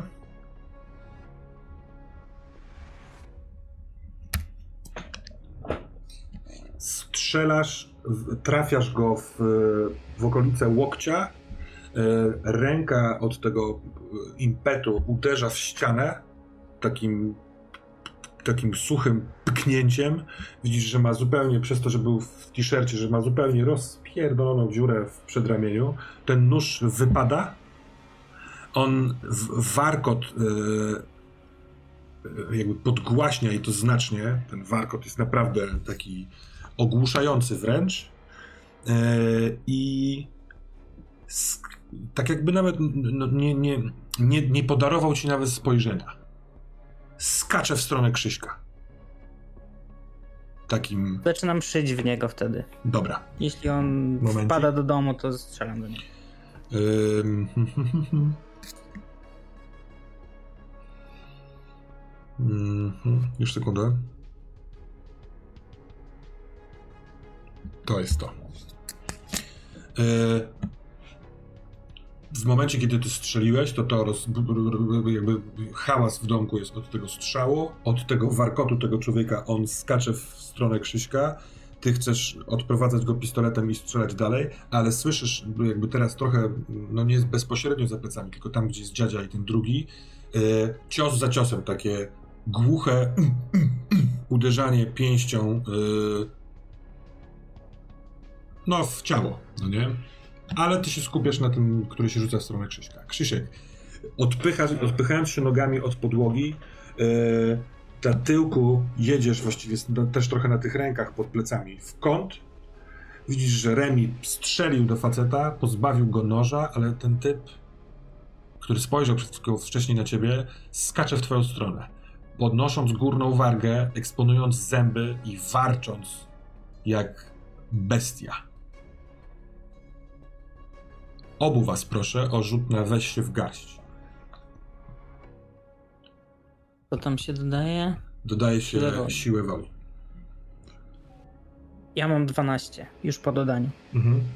Krzychu? Ja mam 16. Dobra. E, ciebie poproszę, Remku, żebyś wybrał jedną z tych opcji e, w ruchu weź się w garść przy środkowym wyniku. Jak, e, jaka emocja, jaka jest twoja reakcja na, te, na ten warkot, który jest nienaturalny. Oni obaj wydają z siebie dźwięk, który totalnie nie powinien z ludzkich gardeł się wydobywać. Ty, Krzysiek, Krzysiek może rzeczywiście to delira sprawia, albo jakieś odklejenie od rzeczywistości. Nie działa na ciebie ten warkot tak, tak straszliwie.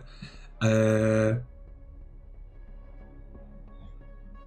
I na razie nic ci więcej nie powiem, bo dość dużo zależy od tego, co się stanie z rękiem. No to ja bym chciał przedostatnią opcję, rozpraszasz się, bo w sensie mi to wszystko pasuje, oprócz mhm. tego, że oni warczą i mnie to rozprasza po prostu. Mhm. Dobra. Więc to jest minus dwa do rzutów. Dobrze. Różny. Więc ten mężczyzna, mimo rany postrzałowej od ręki, skacze na Krzyśka. Ty do niego strzelasz. Najpierw pierwszy strzał może być w bok, a drugi już w plecy. Oddajesz ten strzał? Tak. To proszę cię o rzut y, na przystąp do walki w związku z twoją reakcją na weź się w garść. Odejmujesz od tego rzutu dwa. Mhm, czyli tak, przystąp do walki to jest przemoc. Przemoc mam na minus dwa, więc minus cztery ogólnie tego rzutu, tak? Mam 10 i 9, czyli 15. 15, wspaniale. Bo 19 minus 4, 15. Mhm. E, trafiasz go oboma e, strzałami, jeden w bok, jakby go trochę zbija z kursu. E, on, ten skok w naturalny sposób zostaje przerwany, ale on jeszcze robi krok, chcąc ten warkot przerwać na znów zapytanie, gdzie jest pudełko. Oddajesz jeszcze jeden strzał w plecy i on pada na kolana tuż przed tobą, Krzysiek. I Krzychu, masz przez chwilkę to ciało rozwalane strzałami Remka, które upada przed tobą. Yy, już wiesz, skąd może być skojarzenie zwierzęce z tym warkotem. Masz wrażenie, że w środku jest e, zwierzę. Oczy nie są ludzkie, mają in, inny wręcz kształt, są popękane e, białka. Zapach e, od niego się dobywający to jest brudne, dzikie zwierzę. E, on upadając tak blisko ma podniesioną wargę i ma, widzisz, bardzo ostre e, kły. Poza tym, że bardzo pożółkłe w taki ludzki, brudny, zaniedbany sposób. Ta postrzelona ręka cała jest we krwi, ale druga ręka, którą się wsparł, widzisz, że jest raz, że brudna od mm, jakiegoś, jakiegoś takiego czarnego płynu, możliwe, że jakiegoś właśnie oleju czy smaru. E, natomiast dłonie są Wy, palce są trochę wykrzywione, tak jakby często wykonywał, wiesz, ruch szponów, takie dziwne, popękana skóra, długie, brudne paznokcie i Rzeczywiście. Teraz poproszę cię o rzut na spojrzyj przez iluzję. Tak, wynik to spójrz przez iluzję, to się co dodaje? Dodaje się duszę. Nie wiem, jaki masz stan, czy, stan stabilności. Czyli, no ale... to i tak wyszło e, 7, więc, 7. Więc, więc lipa. Zanim przejdziemy do rozwikłania wyniku twojego rzutu, Krzyśku. Dominik, jesteś mm, za takim zielonym jeszcze krzakiem przy jednej z alejek znalazłeś takie miejsce, w którym będziesz mógł widzieć e, przynajmniej troszkę poprzez krzewy tę bramkę, żeby sprawdzić, czy ten ktoś będzie za tobą szedł, czy też nie będzie szedł. Jest to miejsce bez osłony przed deszczem, więc mokniesz, mokniesz, mokniesz. Kiedy mokniesz, to masz wrażenie, że kurwa całą noc zeszłą mokłeś. Kiedy szedłeś, kiedy szedłeś niosąc to samo pudełko, które teraz trzymasz w ręku, yy, stąd przychodzi ci do głowy myśl, że dwie te takie działkowe przecznice, ścieżki yy, dalej wrażenie, że podnosisz się z ziemi, z mokrej trawy, bierzesz pudełko, rozglądasz się i idziesz do drugiego wyjścia, które prowadzi tak jakby w stronę Gdańska Głównego, w stronę twojego domu i stąd poszedłeś na piechotę do domu. Wczoraj. Ale teraz ta bramka się otwiera, ta na którą patrzysz i stoi ten facet yy, w też mokrej, yy, marynarskiej takiej kurcie granatowej, yy, roz, rozgląda się, ale masz wrażenie, że nie tylko oczyma, ale też próbuje czuć nosem. Mhm. I wchodzi na teren działek. Ja w ogóle mam taką myśl, aż może właściwie to trochę pod nosem powiedziałem, kurwa, co tu się dzieje, czego ten człowiek chce, to jest jakiś psychol. Jeszcze e, orientuję się szybko, właśnie, że cały czas leje mhm. e, i trochę patrzę na stan tego gruntu, czy tam trochę moje ślady stóp nie zostały. Mm, nie, nie, nie, bo to jest e, mimo wszystko rosnąca trawa, która teraz już mhm. nie jest pierwszej świeżości oczywiście w kwestii zielonej, ale ona jest mokra i położona na glebie, śladów tu nie ma. On też nie patrzy na, na, na drogę. On patrzy, okay. wiesz, rozgląda się, żeby zobaczyć, czy ciebie zobaczy i co jakiś czas bierze niucha nosem. Dobra, to jeszcze moje e, pytanie, e, tak orientując się trochę za tym krzakiem, e, czy idąc kawałek dalej, poruszając się już powoli, ostrożnie, czy nadal będę osłonięty? Czy tu już robi się jakiś przestrzał, że zauważy mnie, gdybym poszedł alejką dalej? Zróbmy tak, ominąłeś pierwsze skrzyżowanie, po który, do którego on teraz dochodzi. I jak on dochodzi do tego skrzyżowania, to jeżeli skręci w prawo, to za dwa domki ma waszą działkę. Może też skręcić w lewo, a może iść prosto i wtedy dojdzie do ciebie za, wiesz, trzy minuty powiedzmy. Takiego mhm. właśnie marszu, w jakim teraz on idzie. Możesz postanowić, że jeżeli on minie to skrzyżowanie i pójdzie prosto, czyli w twoją stronę, to ty będziesz mógł, wiesz, biec gdzieś dalej, szukać nowej osłony i całkiem możliwe, że to się uda. Chociaż to nie jest tak, że tutaj jest bardzo wielka gęstwa tych zielonych rzeczy. Co jakiś czas domek, trawniki raczej poprzycinane, gdzie niegdzie drzewo, yy, za którym się można schować, ale te alejki pomiędzy domkami są raczej przejezdne, są, wiesz, Jasne. Dobra, to yy, faktycznie, tak jak mówisz, ja będę trochę czekał na to, którą stronę wybierze, yy, ale tak obserwując, staram się y, wyciągnąć telefon mhm. i szybko właśnie wybrać, y, póki on jeszcze tutaj się rozgląda, SMS y, do Remiego mhm. z ostatnich tam z historii. I, I wyklikać tam cały czas gdzieś co chwilę podnosząc wzrok na to, co się dzieje, jest problem. Dobra, w momencie, kiedy robisz wyślij i spoglądasz, co on w tym momencie robi, to on stoi właśnie na środku tego skrzyżowania i patrzy w prawo, prosto, w lewo, patrzy i ty nacisnąłeś wyślij, a on mówi takim głosem lekko podniesionym, takim, że dociera do ciebie. Szukamy cię, panie Dominik. Szukamy cię, panie Dominik. I wydaje z siebie kilka takich szczekliwych e, głosów. Słyszysz gdzieś za plecami, w innej części działek, odpowiedź. I wtedy pada strzał. Trudno oszacować ci z którego kierunku. Ta ten zestaw dźwięków, kurwa, szczekania i nagle wystrzał sprawia, że no, w ogóle nie wiesz skąd te dźwięki dochodzą. A po tym pierwszym strzale drugi i trzeci.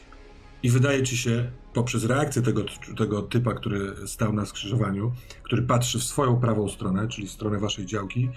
że to stamtąd dobiegały te dźwięki. On tam rusza. Okej. Okay. Ja łapię oddech. E, na razie po prostu obserwuję e, jak odchodzi. Mhm. E, nie robię jeszcze żadnego ruchu. Mm. Zakładam właśnie, właśnie nie widzę inaczej, że Remi mi coś odesłał. Też ruszył w tamtą stronę, więc właśnie martwi mnie, że to tam może się coś dziać. Jeszcze pytanie, bo tamten głos, który odpowiadał, to to, to szczekanie, mhm. było za moich pleców, tak? Tak, gdzieś z działek. Tam jakby za twoimi plecami jest jeszcze większa jakby część działek niż to, co masz przed oczyma. Mhm. E, to jeszcze się oglądam właśnie tam za swoje plecy mhm. i patrzę, czy kogoś widzę. Dobra. To najpierw poproszę cię o rzut na weź się w garść. Jasne. Dziwne szczekanie, ktoś zna twoje imię, ktoś się szuka, a do tego ludzie strzelają dookoła. Myślałem, że może pomoże zmiana kostek, ale rzuciłem dwa. Cudownie. odwracasz się i daleko, daleko, na końcu tej alejki, niech to będzie z 50 metrów może, eee, no może nawet troszeczkę więcej, widzisz e, idącego nad żywopłotem do tej twojej alejki mężczyznę z długimi włosami związanymi w kitek, w swetrze czarnym, który ma tak podniesioną głowę i wydaje te swoje. I on idzie jakby równo, prostopadle do ciebie. Więc y, za chwilkę wejdzie na alejkę, na której, przy której ty jesteś skitrany i pewnie zwróci się w twoją stronę. Natomiast sam widok tego mężczyzny, który idzie gdzieś wśród tej takiej jesiennej zieleni w deszczu i wyje, sprawia, że ze strachu kucasz przy tym krzaku, czujesz po tym pudełku, jak straszliwie trzęsą ci się ręce i tracisz dwa stabilności ze strachu.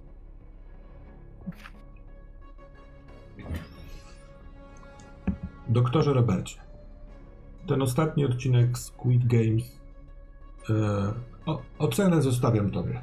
Nie powiem, jakie są wydarzenia, bo nie chcę spoilerować dla tych, którzy jeszcze nie widzieli.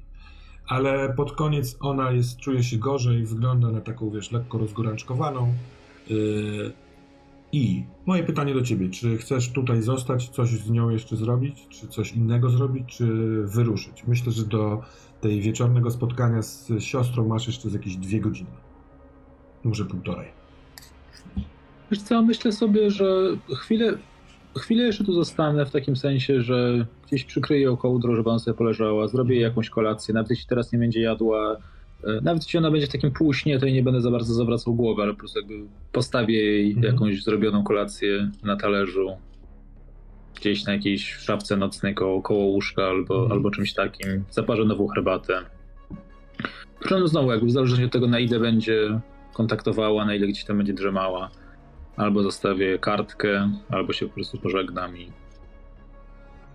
E, wiesz co, ona nie, jakby nie śpi, widocznie spała długo, więc jest taka troszeczkę chorutka, poprawiona poduszka sprawiła, że sobie tak pół siedzi, zawinięta w kołdrę i obserwuje to, co robisz. Może tam jakaś e, taka slow talk w takim sensie, że powolna rozmowa bardziej niż e, rozmowa o nieważnych rzeczach. Co, chyba Chyba kiedyś będę musiał znowu tam pojechać. Mm, ale dokąd? Bo teraz nie zrozumiałem. Całe ścisko.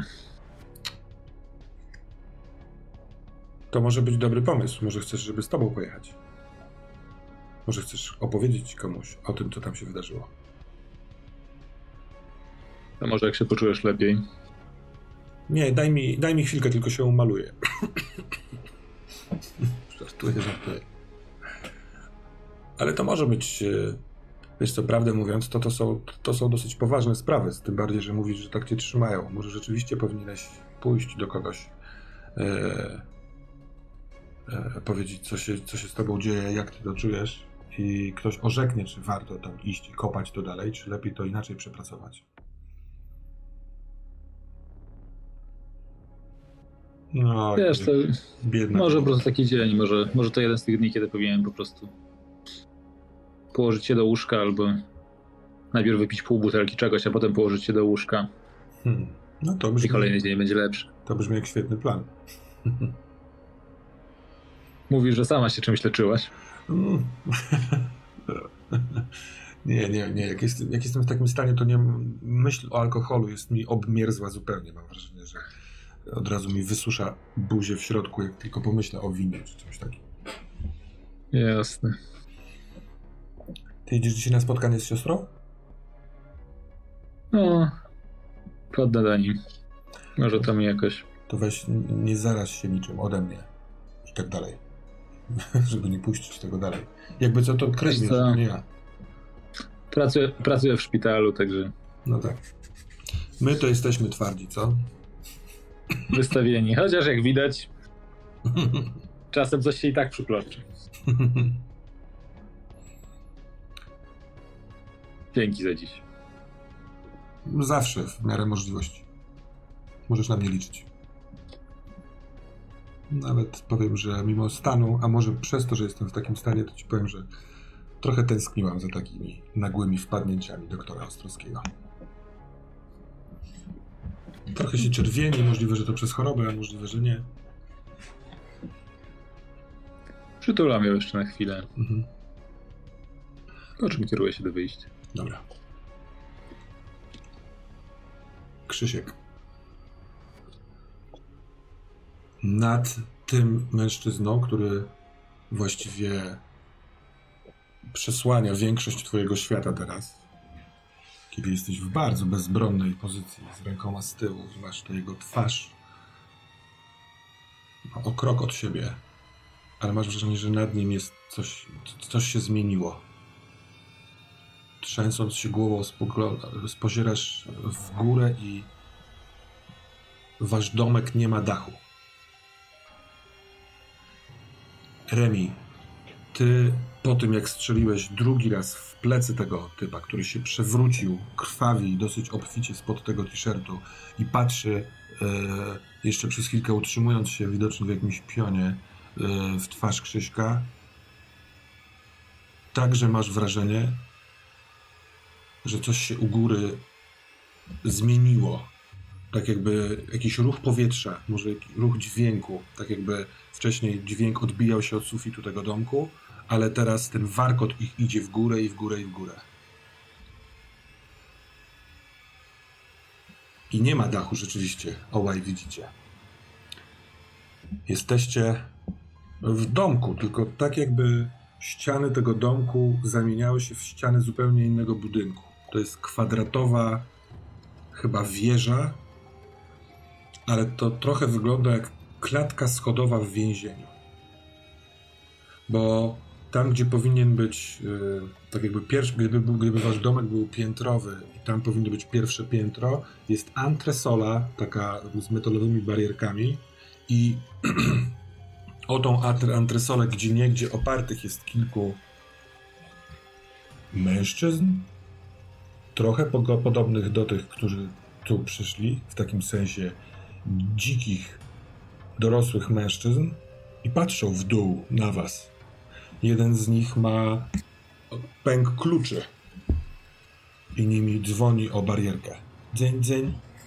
Ale to jest tylko pierwsze piętro. A piętra się nie kończą. Coraz bardziej zamykająca się perspektywa tej wnętrza tej wieży, w jakiej teraz jesteście. Każde z nich, każde z kolejnych pięter ma tą antresolę. Jakieś głowy wystające, przyglądające się na dole jedna z waszych ścian, waszego domku, ma nagle schody, takie metalowe schody, które wchodzą na tą, na tą antresolę. Oraz dźwięk. Z wszystkich pięter, trochę tu, trochę na wyższym, trudno stwierdzić kierunki. Co jakiś czas ktoś drze się z bólu albo ze strachu. Pojękiwania, y, syki, błaganie, krzyk spowodowany jakimiś torturami. Ty, Krzysiek, tracisz za to jedną stabilność. Tobie e, Remek wyszedł inaczej rzut. To, co widzisz, widzisz. Natomiast przez chwilkę świat zrobił się taki i nadal w nim jesteście, ale Krzysiek jeszcze do, do, z tobą, mm, kiedy przez chwilkę rzuciłeś okiem właśnie w górę na, te, na, te, na, na ten świat nagle zmieniający się, to słyszysz głos tego typa, który się do ciebie zbliża. Napij się mojej krwi. Wiem, że chcesz, potrzebujesz tego. Napij się. I wyciąga w twoją stronę te przedramię, które było e, postrzelone. To sprawia, że z tego, z widoku wnętrza wiesz, że spoglądasz znów na niego i w momencie, kiedy powiedział krew, to rozsadza ci nos zapach tej krwi. Słodziutki, bardzo inny niż cały zapach tego mężczyzny na zewnątrz. Tak jakby to, co płynęło w nim, było słodsze, czystsze, wręcz przyjemne. W, wręcz takie sprawiające, że delirka znika. Może strach jest w środku, ale twoje ciało przestaje się trząść na sam zapach zbliżającej się, trzęsącej się ręki, z której kapią krople krwi.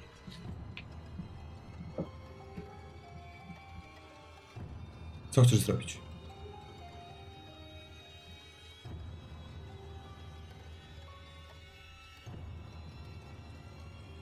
A. Znaczy ja, znaczy ja jestem cały czas związany, tak? Mhm. Więc ja niewiele mogę chyba w tej sytuacji zrobić. E, Jeśli nie chcesz się spotkać z tą ręką, to możesz próbować się odpychać no, dalej. uniknąć, tak, tak. Mm. No, to chciałem powiedzieć, że cały czas, no wiesz, próbuję leżąc związany z rękami z tyłu, próbuję się odsuwać, aczkolwiek, Dobra. no mówię, to są takie... Byłeś już takie, wiesz, tak jakby w kącie, ale w związku z tym jego ruchem, który jest powolny, ale taki do celu, no to wiesz, wyobrażam sobie, że jeśli nie chcesz się z tym spotkać, odpychasz się w bok i lecisz plecami po ścianie, w stronę tego twojego mm. stołu, e, z którym Od, robisz. Ale... Odpycham się nogami, wiesz, tak... Mhm. Y- Więc nie znika obraz tej, tej, tej wieży, wewnątrz której jesteś. Mało tego, oprócz tych jakichś takich dźwięków wrzeszczących y, z góry, dobiega też ten warkot, który tu przed chwilką wypełniał dom, ale on teraz leci z wszystkich pięter, z wszystkich tych wystających głów, które obserwują. Remku, ten facet, którego postrzeliłeś, chwilkę po tym jak spojrzałeś w górę i ogarnąłeś to, widzisz, że on wyciąga rękę w stronę Krzyśka, który się zaczyna wycofywać od niego.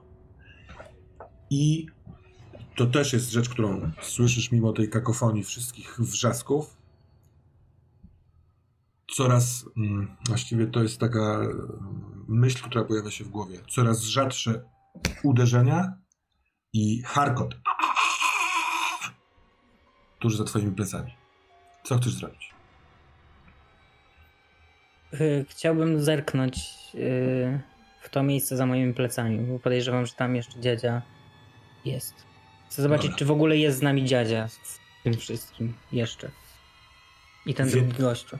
Zatem odwracasz się od Krzyśka i widzisz taką... Nie, nie, nie. Chcę tak zerknąć przez ramię. Nie odwracam się, tylko chcę po prostu zobaczyć i Dobra. wrócić do tej sytuacji z przodu. Zatem, y, to co widzisz, to y, oni są zwarci.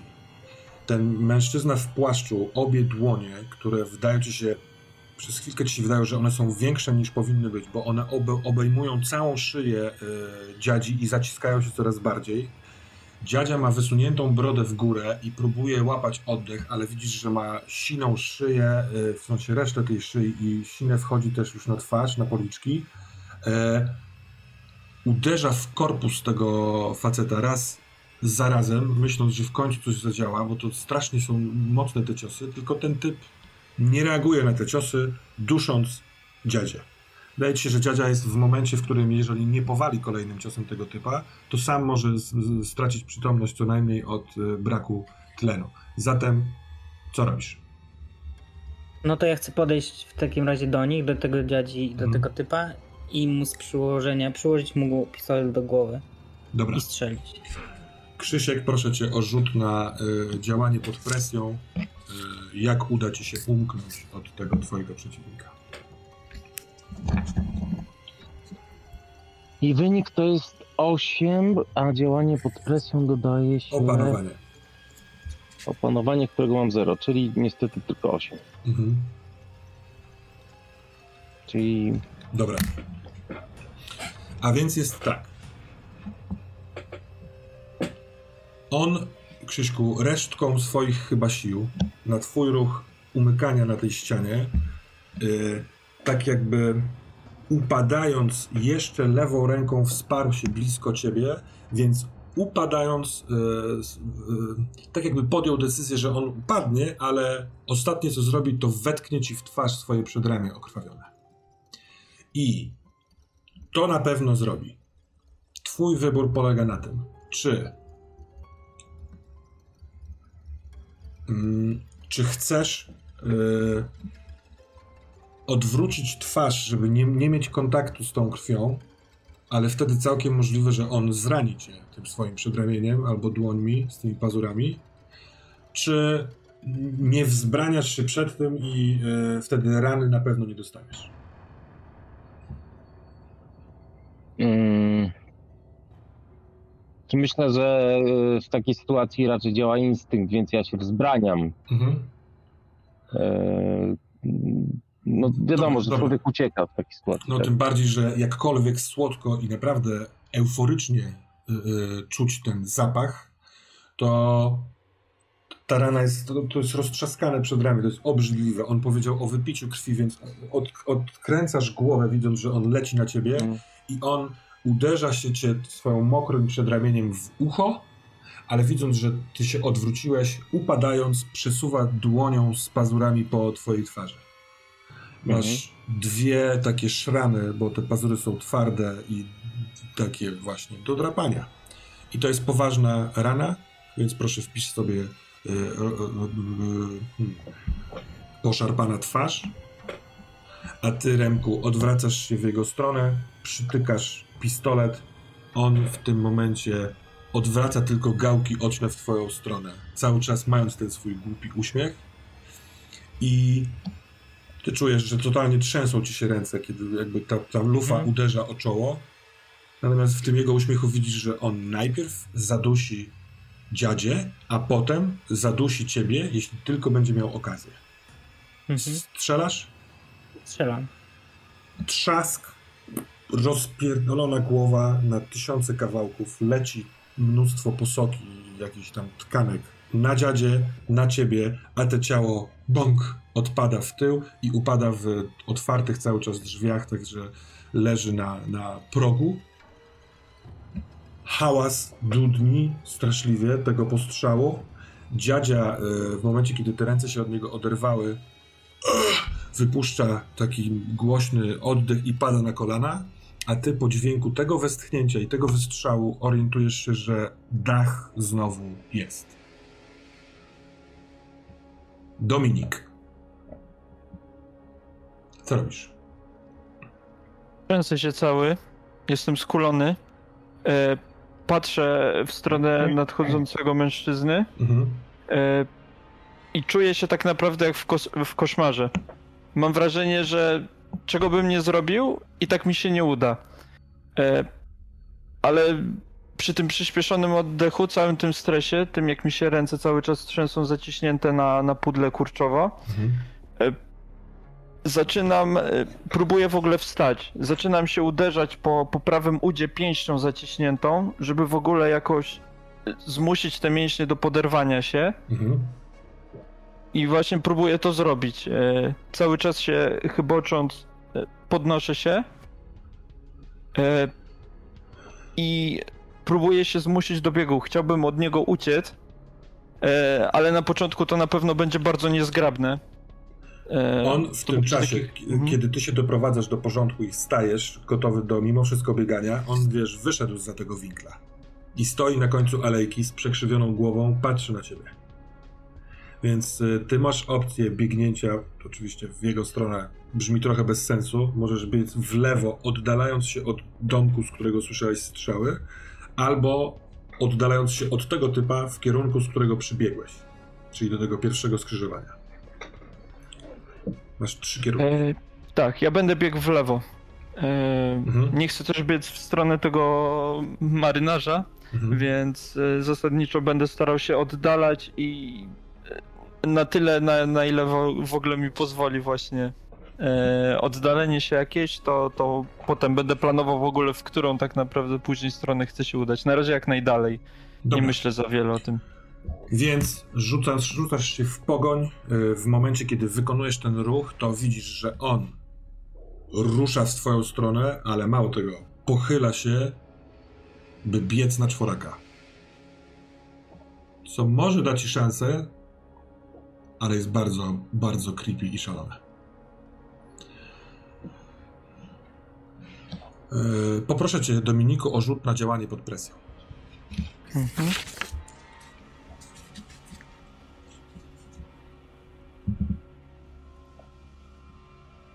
Dodaje się opanowanie. Mhm.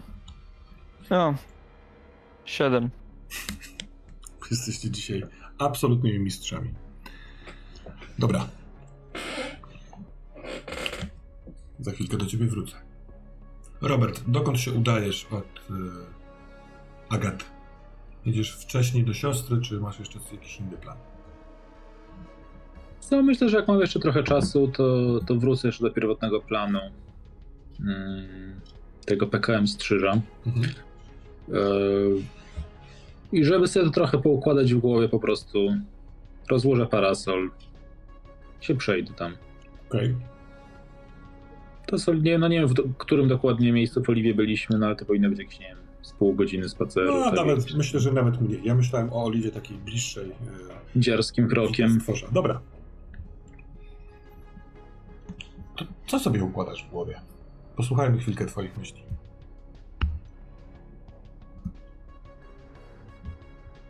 Znaczy, myślę, że to jest z jednej strony połączenie tego, że przy całym szaleństwie dzisiejszego dnia Robert się trochę uspokoił.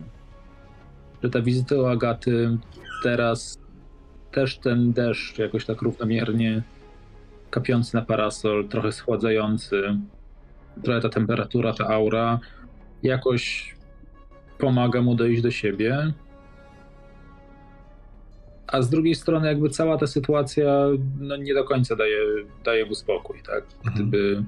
Chciał się od tego odciąć, to powinien iść w kompletnie przeciwnym kierunku, rzucić to wszystko w cholerę, pojechać do siostry, a może nawet nie pojechać do siostry właśnie, żeby nie, nie przywodzić tych, tych, tych wspomnień, ale myślę, że gdzieś nawet z raz czy dwa spacerując, otworzył jeszcze raz tego MMS-a, zerknął jeszcze raz na, na to zdjęcie, na, na, na tą twarz.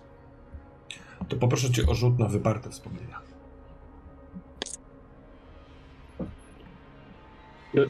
Będzie na kostką zjadło. Dziewięć.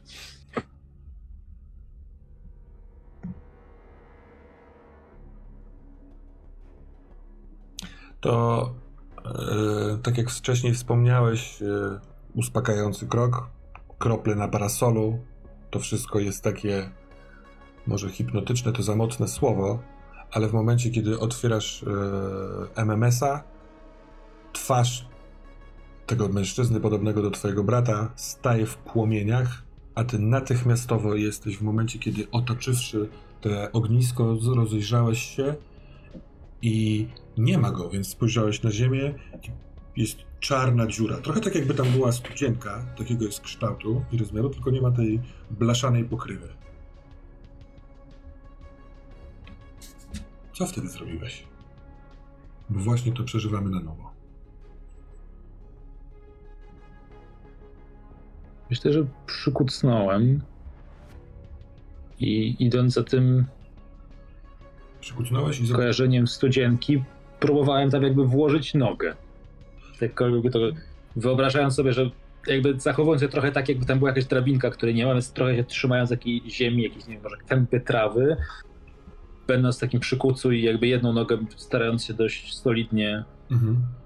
jedną nogą dość solidnie oprzeć się o ziemię, drugą jakby właśnie próbować włożyć w tą dziurę, zobaczyć, czy tam coś jest. Tam Szybciej niż myślałeś powietrze. chyba, twoja stopa nad, nad, natknęła się właśnie na ten wystający taki skobel, który jest jednym ze stopni schodzenia w, w, do takiej studzienki. I na twoje plecy pada olbrzymie gorąco z tego ogniska, przy którym jesteś. W środku płoną wspominki po Bo krótko po tym, jak wrzuciłeś te rzeczy do ognia, pojawiła się ta twarz. twojego brata, który od paru dobrych miesięcy nie żyje. On przemawiał do ciebie. Co prawda poznałeś nie, nie jego intonację. Zresztą on mówił: zostaw to, zostaw to. A ty teraz kucasz w dziurze. On musiał tutaj wejść, bo go nie ma nigdzie. Jest co prawda wieczór, ale widać na przestrzał od świateł z ujeździska, że tu nie ma. Nie słyszałbyś odbiegania czy coś. Mało tego, kiedy twoja noga oparła się na tym stopniu, to słyszysz tam na dole. Tak jakby ktoś zeskoczył i wpadł do jakiejś kałuży czy czegoś takiego. W sensie wylądował na plusk i słyszysz kroki. Byłem wtedy młodym chłopakiem. Z jednej strony dość sprawnym, a z drugiej strony pewnie nie do końca rozsądnym. Nawet sam ten czyn zebrania mhm. wszystkich pamiątek i wywiezienia ich w tę ścisko świadczył jakiejś pochopności, więc myślę, że jakby w pierwszej chwili jest takie zdziwienie, kiedy noga jednak na coś w tej dziurze trafia, mhm. ale po chwili staram się szybko dostawić drugą, kolejną, kolejną. I schodzisz i na dół. Ruszyć w dół. Wręcz mm. puścić się w jakiegoś rodzaju pogoń. Jak, kiedy już cały się, tak jakby cały jesteś wewnątrz tej, nazwijmy to studnią, bo okrągły kształt, kiedy jesteś już, masz ręce też na tych stopniach, to widzisz, że to jest okrągłe i yy, nie ma tu ziemi, tylko są cegły. To trochę tak jak właśnie studnia, tak jak zejście może do jakichś kanałów. I słysząc, jak echo roznosi te, te kroki, schodzisz kolejnych parę kroków. Yy, nagle jest coraz jaśniej, dlatego, bo z boku tej studni yy, jest lampa. Taka yy, zbrojona, nazwałbym to, bo w plastiko, plastikowy klosz takie metalowe obejmy. Co ci mówi, że właściwie już długo idziesz po tych yy, stopniach. Zerkasz w górę, ale w ogóle nie widać po błysku ognia, tak jakby zamknęła się ciemność. I kaszlnięcie gdzieś tam w dole, które takim echem poszło. I kiedy spojrzałeś w dół, to widzisz odbijane od tego światła, które jest przy tobie, właśnie tafla wody. Też mógłbyś teraz zeskoczyć. Szymon? Szymon? Szymon? Szybkie kroki. Oddalające się. Plusk. Pamiętasz ten moment, jak y, ta woda, w którą wpadłeś, ona płuć, płyciutka, w sensie nie zanurzyła, nawet nie doszła do, do kostek, ale chlupot przez ten skok sprawił, że wpadło ci na skarpetki, trochę na spodnie. Takie dziwne, ale bardzo wyraźne e, wspomnienie, dlatego, ponieważ ta woda się dostała do twojego ciała. Bardziej, że to, co teraz się dzieje, idąc przez Wita Stwosza w deszczu, jesteś przekonany, że jest twoim wspomnieniem, tylko tej części nie było nigdy. Zimny powiew wiatru, może z Wita Stwosza, ale właściwie z prawej, kiedy patrzysz i prosty korytarz i co kilkanaście kroków właśnie taki klosz biały. Raz z prawej, raz z lewej strony i stamtąd zawiewa zimny wiatr. I stamtąd słychać już niknące kroki kogoś, kto chyba biegnie.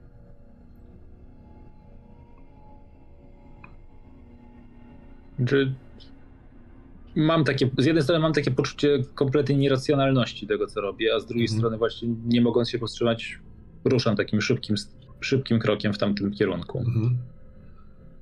Za kilkanaście kroków yy, korytarz skręca.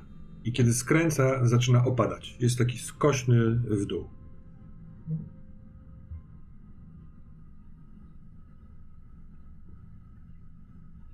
Szymon! Szymon! Szymon! Szymon! Słychać syk. Trochę tak jakby e, coś było nieszczelnego i wypada powietrze. Bardziej niż żeby ktoś wykonywał ten syk. To jest gdzieś u góry. Jak patrzysz w górę, to jest taka owalny, owalny sufit. Tylko dwa kierunki. Albo przed siebie skośnie w dół, albo z powrotem tam, skąd przyszedłeś.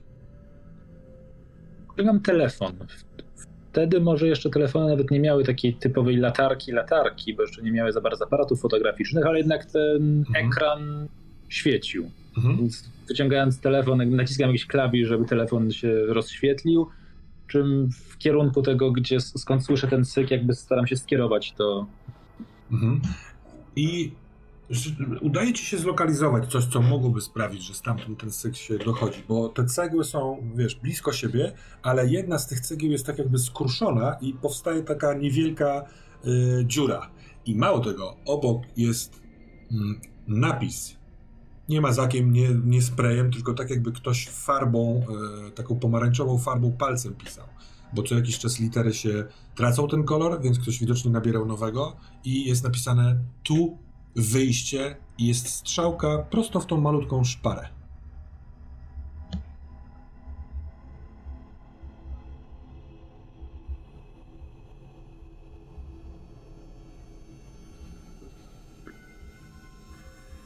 że stoję tam jeszcze przez chwilę, rozglądając się, uspokajając. Tym podchodzę w kierunku tej ściany, wyciągam jakiś taki scyzoryk swój. Mhm.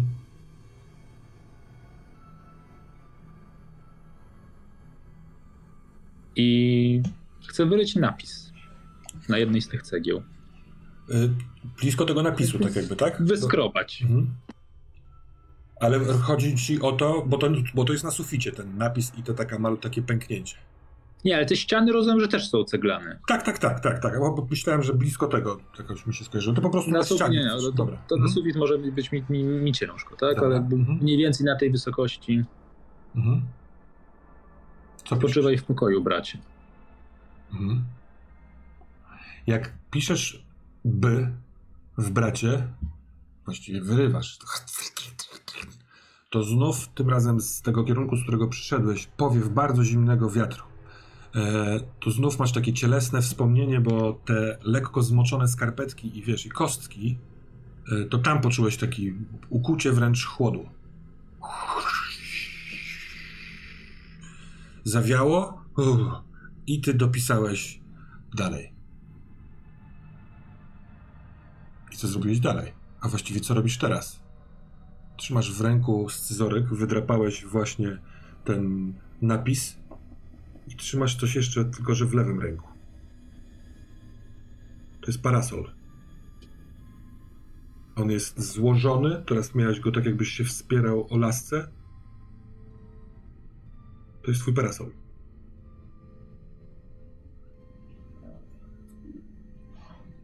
Co ja tak. Myślę, że machinalnie może ocieram jakąś wilgoć z czoła, może wykonuję mniej więcej taki gest. Mhm. Czy mam włosy? Bo Nie. 20 lat temu pewnie jeszcze miałem. Nie masz. Masz pod ręką bardzo do, dobrze znajomy ci, e, znajomą ci głowę. Codziennie pewnie jakiś krem w tą swoją łysinę e, wpuszczasz. Chrobot. Dużo, tak jakby się osypywały kamyki od strony tego korytarza, który lekkim skosem idzie w dół. O kur...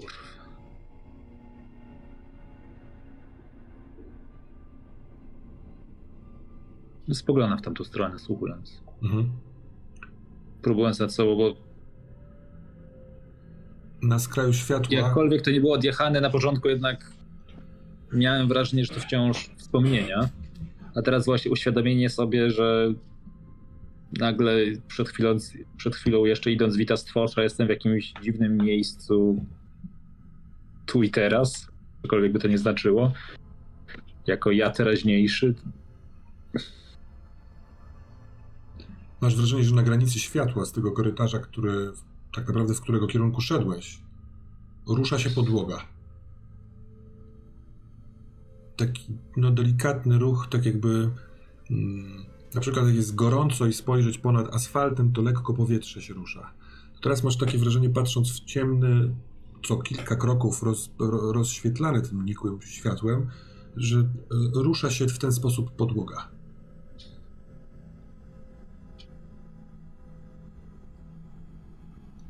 Tak niedawno już otrzymałem telefon w ręku. Mhm. Włączę nagrywanie, jeśli to jest teraz mój współczesny telefon. To jest twój współczesny telefon. Po prostu jakby zacznę robić film. Mhm. Kręcisz to, co to się... idę w tamtym kierunku. Kiedy robisz dwa kroki, bo najpierw wiesz, w, w, wiesz uruchomiłeś wideo, y, nacisnąłeś, robisz dwa kroki i widzisz w okienku kamery, że to coś, co się ruszało, to tak naprawdę robactwo, które idzie w twoją stronę. Dużo pancerzyków, chrabąszczy jakichś, karaluchy. Idą w twoją stronę i na tej takiej kamienistej, suchawej, mokrawej posadzce właśnie twojego, tej łapki wydają takie skromne dźwięki. Rzucam telefon do, do kieszeni z powrotem, pewnie nawet nie wyłączając nagrywania. Mhm. Czym rozglądam się jeszcze raz za tym napisem tu wyjście. E, napis tu wyjście jest, jest strzałka skierowana w taką właśnie e, wąską szczelinę, tak jakby ktoś wydrapał pomiędzy cegłami, tylko tak mocno drapał, że jednej z nich uszczknął kawałek. Ale tam jest cokolwiek? Słuchaj, wiesz co, to jest w ogóle na takiej wysokości, że ty jak podniesiesz rękę, to nawet nie musisz prostować do końca, do końca ręki, tylko dotykasz to dłonią. Więc no tam jest po prostu, wiesz, uszczerbiony kamień, ale no nie widać dziury, tylko że jak wtedy słyszałeś ten syk, tak jakby przez szczelinę wpadało powietrze, to to jest jedyna mała wyrwa, która mogłaby takie coś robić. Próbuję jakoś, nie wiem, czy to jest na tyle szerokie, żeby tam zmieścić palce. Mhm. Tak. tak. to włożyć na, rękę. na pewno wiesz, y, jeden ten opuszek, w sensie pal, mhm. paliczek, tak się to nazywa, to na, na, tyle to jest głębokie, że możesz tam włożyć pa, e, palce. To jest bardzo zimne, y, czujesz piasek taki, w sensie ten taki, to, to nie jest już cegła, tylko skruszona cegła, więc piasek przylega do twoich palców, ale w momencie, kiedy to robisz, to z kierunku, z którego nadszedłeś, słyszysz głos nie pchaj dalej, nie pchaj dalej! To jest głos y, młodego chłopaka, taki masz pierwszy skojarzenie. I w Gdzie jesteśmy? Co to jest? W podziemiach. Co się ze mną dzieje? No co, ty nie wiesz, gdzie wszedłeś? Wszedłeś, słyszałem jak wchodzisz, że przez studzienkę. Idź tam, idź tam. Zobacz, robactwo nadchodzi. Zaraz wodę puszczą. Nie, nie, nie czujesz tego? Ten chłopak stoi od ciebie z 5 do 10 kroków w krótkich spodenkach, ma około 15 może lat. Te krótkie spodenki są takie jeansowe, ucięte, że białe takie strzępy e, przy ucięciu wiszą. Ma e, koszulę flanelową, e, mm, długie rozpuszczone włosy, no właśnie ma około takiej szesnastki i on stoi mm, w miejscu, w którym tak jakby trochę światła pada za jego pleców, więc nie do końca widać twarz i przód. Rozumiesz, to jest taka sylwetka otoczona światłem z zapleców. Chodź, chodź, chodź, chodź, chodź, szybko, szybko. Tam palców nie wtykaj, no bo tam przejdziesz jeszcze głębiej w dół i to jest zupełnie bezsens. Co znaczy jeszcze bardziej w dół? Pytam idąc za nim. No, na, na niższy poziom. Nigdy nie skocz na niższy, niższy poziom. poziom. A wiem, wiem, bo wydaje ci się, że u góry to, to, że u góry. No ale on to specjalnie tak napisał. Ha? Żeby ktoś myślał, że tędy wyjdzie na zewnątrz. Nie, nie, nie, ja ci pokażę, gdzie wyjdziesz na zewnątrz. Co to za miejsce? No kanały. Wszedłeś z studzienką sam, no co ty, nie pamiętasz? Spokojnie, przyjdzie ci pamięć z powrotem, wiesz? Często tak jest, że jak się tu wchodzi i usłyszy się karaluchę, to przez chwilkę się nie do końca wie, dlaczego się tu weszło. Kiedy dochodzisz do niego i on jakby po, poniekąd, przy, wiesz, czekając na ten moment, odwraca się, żeby prowadzić, tak jakby, żeby iść tyłem, to czujesz w miejscu, do którego doszedłeś, smród bardzo długo niemytego ciała. Co ty tu robisz? Mogę ci jakoś pomóc? A, jak masz jakieś pieniądze, albo może, może jak, jak masz jakieś pieniądze, to chętnie przyjmę. On idzie dosyć żwawym, żwawym krokiem. Masz gdzie mieszkać? No, sięgam do kieszeni po jakiś banknot. Odwraca się. Mam, mam, mam. Witaj, witaj w moim domu, no. I sięga ręką po ten banknot. Dajesz mu? No daję mu jakoś, nie wiem, stówę. Mhm. Wow, wow, zielony, wow, dzięki. Dzięki, stary, ale zajebiście. Ja jestem Jarek. Wyciąga rękę do ciebie. Ta ręka jest Robert. brudna, mokra, ma jakieś takie... Znasz się na rękach, że tak powiem. E, raczej skóry, jak, jakieś schorzenie, bo ma bardzo opuchniętą tą część dłoni, taką chyba zaczerwienioną. Akurat zatrzymał się w momencie, kiedy na ścianie jest to światło i świeci bardzo blisko.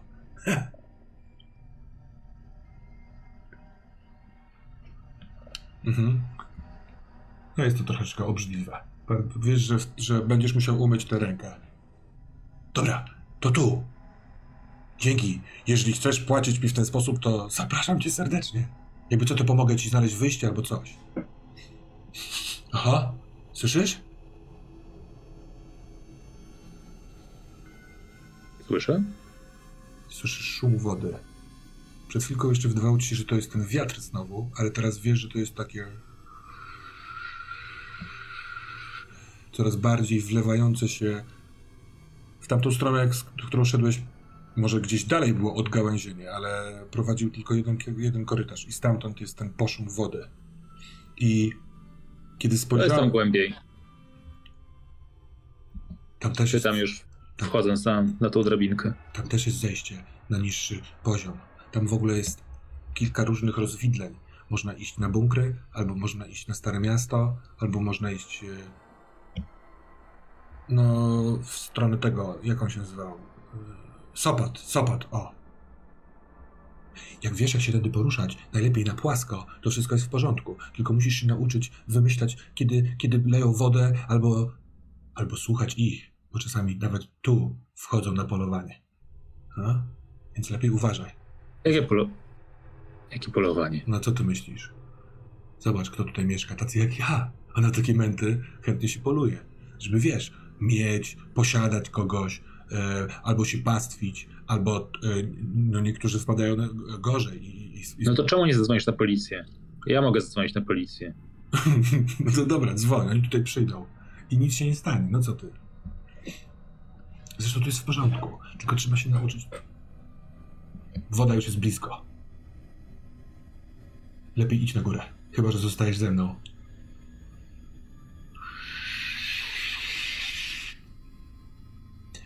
Kiedy bierzesz rękę, żeby złapać e, skobel, to widzisz, że nie ma w ręku parasola i w drugim ręku masz swój stary telefon. Bo ty wtedy spotkałeś Jarka. Jak wszedłeś dwa kroki i spojrzałeś e, na niego, to on patrząc w twoją stronę, on tak jakby patrzył w twoją stronę i patrzył w tamtą stronę, skąd woda ma płynąć. Spojrzał w twoją stronę, powiedział ci, jeśli nie wiesz, po co miałbyś schodzić w dół do podziemi, to nigdy tego nie rób, panie Robert. Nigdy. A jeśli masz po co tu schodzić, to słuchaj wszystkiego. Uszy ci pomogą przeżyć. Patrzysz w dół na niego. Właściwie na kogo? Nie ma nikogo. Jest ciemny wlot studzienki. Czujesz, jak masz przemoczone spodnie na kolanach. Poklęczysz. Trzymając parasol nad, nad głową. Przy polankach, nie polankach, przepraszam, przy Witestwosza, przy jednym z takich dużych domów kamienicznych, na chodniku przed bramą jest studzienka. Ma odsunięty tę metalową pokrywkę, a ty Klęczysz i patrzysz w dół, w ciemną czeluść. Całe te wspomnienie, które wcześniej nie było w tobie, osiada. Co czujesz, kiedy patrzysz w dół tej czarnej dziury?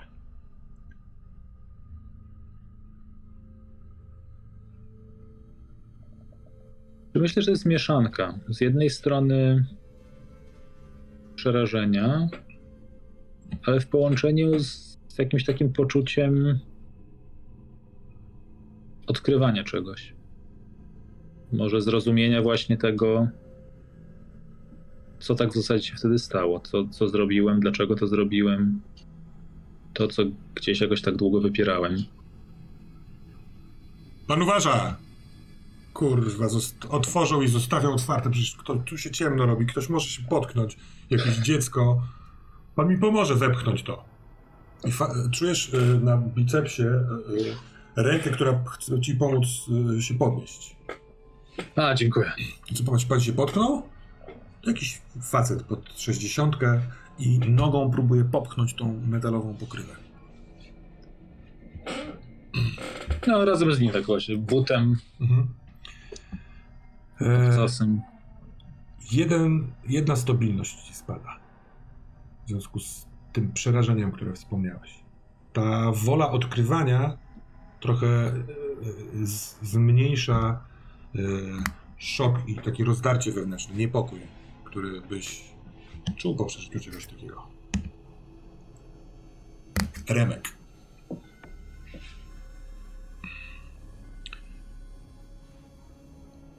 Tylko ty stoisz w całym tym domku. Czujesz pistolet w dłoni. Zimny i ciężki. On wystrzelił kilka razy. Zwłoki z głową, której totalnie nie da się rozpoznać. Leżące na progu. Połowa leży w środku, a na drugą połowę na tułów pada już deszcz. Przy tobie na kolanach trzymający się za szyję, harczący dziadzia. Rzucasz okiem, leży ten drugi, ten, do którego najpierw strzelałeś, jak długi, z ręką opartą o podołek, yy, o uda Krzyśka. Krzysiek oparty o ścianę, ma krew na twarzy. Nie wiem, czy to tamten typ mu obsmarował I żeby nie było, słyszysz kroki biegnące na zewnątrz domku. Mhm. Dobra, ja pierwsze co, y, to trzęsącymi się rękami próbuję dopaść do Krzyśka, sprawdzić w jakim on jest stanie, no bo widzę, że dzieje normalnie funkcjonuje, tylko się e, trochę próbuję otrząsnąć. Chcę za wszelką cenę uwolnić Krzyśka i to jest mój pierwszy cel, jaki chcę zrealizować. Dobra. I przy tym po prostu się trzęsę. Nie wiem, czy to jakoś ma wpływać, ale jestem rozjebany totalnie. Na podłodze. Robię to w... Na podłodze, pomiędzy tobą a Krzyśkiem, leży nóż, który wypadł temu pierwszemu typowi z rąk. I ten nóż wygląda jak coś doskonale nadającego się do rozcinania, jakby wiesz, ciasno zaplątanych y, więzów. Bierzesz go? Czy będziesz tak, biorę go, tylko chcę zrobić to przez kurtkę. W sensie Dobra. ściągnąć rękaw i mhm, złapać mhm. nóż przez kurtkę. W krótki moment, yy, wiesz, kiedy tuż zanim chwycisz, to widzisz ten nóż. Może nawet ciarki przechodzą, bo to jest nóż, wydaje ci się, wykonany do, do robienia złych rzeczy. Ma wygodną, owiniętą taką czarną taśmą, żeby się nie ślizgała dłoń, rączkę i te ostrze jest takim szpikulcem wyginającym się. Takim trochę hakiem. Przez to, co teraz wszystko widziałeś, masz wrażenie, że służącym do złych rzeczy, ale chwytasz go przez kurtkę, dopadasz do Krzyśka i będziesz walczył z tymi więzami. Krzysiek, co ty robisz w tej krótkiej chwili? Co w ogóle chcesz zrobić? Też słyszysz biegnące kroki poza domkiem.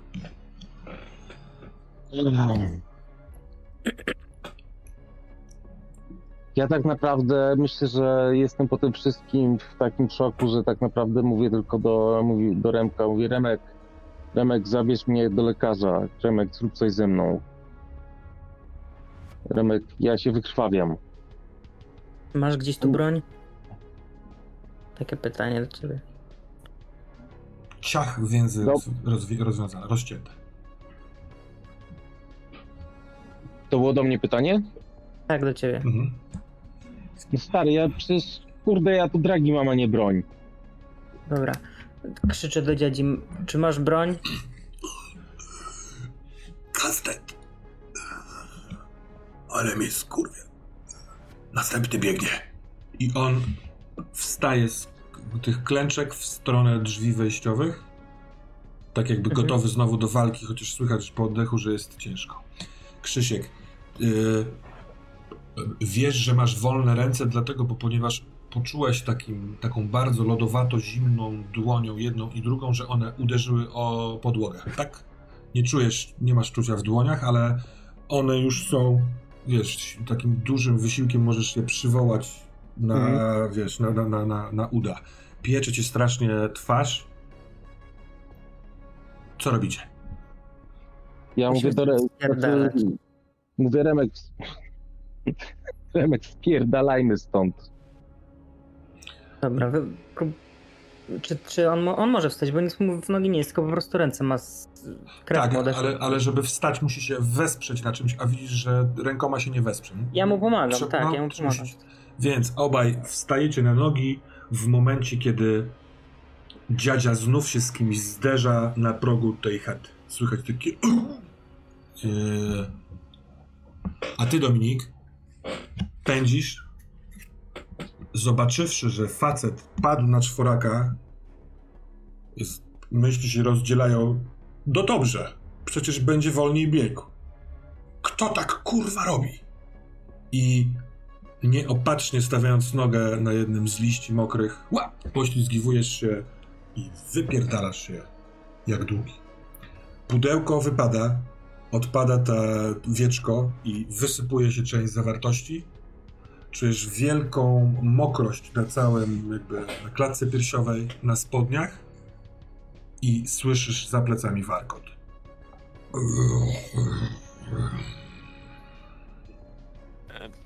On jest tak naprawdę już tuż przy mnie, podejrzewam, więc e, ja w zasadzie w tym, w tym całym przerażeniu po prostu odwracam się na plecy Aha. E, i zasłaniam się rękoma, oczekując, że zaraz po prostu otrzymam cios. Odwróciłeś się na plecy, zakrywając twarz, ale on nie jest aż tak blisko, jak myślałeś. On jest w miejscu, w którym ty się przed chwilką chowałeś, a ty odbiegłeś te parę kroków, ale jest tam rzeczywiście wsparty rękoma o ziemię i jak się odwróciłeś, jednym skokiem zbliża się do ciebie. Skoczył na tych tylnych nogach, jakby był rzeczywiście zwierzęciem, ląduje przy tobie i lewą rękę kładąc ci na y, mostku, także y, no, kontroluje poniekąd, żebyś był dalej w tej, w tej pozycji leżącej, chyba że chcesz tego uniknąć. Chcesz uniknąć tej jego ręki, która kontroluje, gdzie leżysz? Wiesz co, ja nie, ja w tym przerażeniu po prostu tu się skupiłem na zasłonięciu twarzy. Mhm. No i e, mnie zaskoczyło to, że on po prostu tu mnie schwycił. Mhm. Więc e, ja po prostu e, spróbuję złapać tę jego rękę i jakoś się tak wyszarpać. Bardziej już tak Dobra. reakcyjnie na to, co on zrobił. Dobra, to w takim wypadku przystąp do walki. Poproszę okay. o taki rzut. Um, natomiast poproszę cię, no albo nie, nie będzie tak. Obiecałem sobie, że nie będę dawał modyfikatorów ujemnych, mimo tutaj mokrości, zaskoczenia. E, jasne. E, pierwszy dobry rzut, bo to jest po odjęciu już 16. 16. Super, łapiesz jego rękę i ściągasz z siebie, e, czyli leżysz tak jakby trochę obok niego, ale nie, nie jesteś przygwożdżony przez tą rękę. Ale jednocześnie dostrzegasz, że on całą swoją uwagę poświęca na zawartość pudełka. Patrzy i nawet drugą ręką yy, chce taki zrobić krok. Tą jedną ty trzymasz, on opiera ją o ziemię teraz, a drugą chce zrobić krok w tamtą stronę i mówi: Pudełko, pudełko. E, ja widząc te reakcje, yy, hmm. chciałbym szybko schwycić to pudełko kurczę, tam się część zawartości wysypała, więc na ile mogę, to, to szybko próbuję tak zrzucić e, do środka i już nawet bez tego wieczka e, po prostu biegnę, zaczynam znowu biec przed siebie. No dobra, w sensie e, chcesz zebrać rzeczy do pudełka, ale on jest, wiesz, na czworakach tuż przy pudełku. Więc w momencie, kiedy ty chwytasz te rzeczy i chcesz wpakować je, to on na to reaguje. Mhm. Mm. Myślisz już?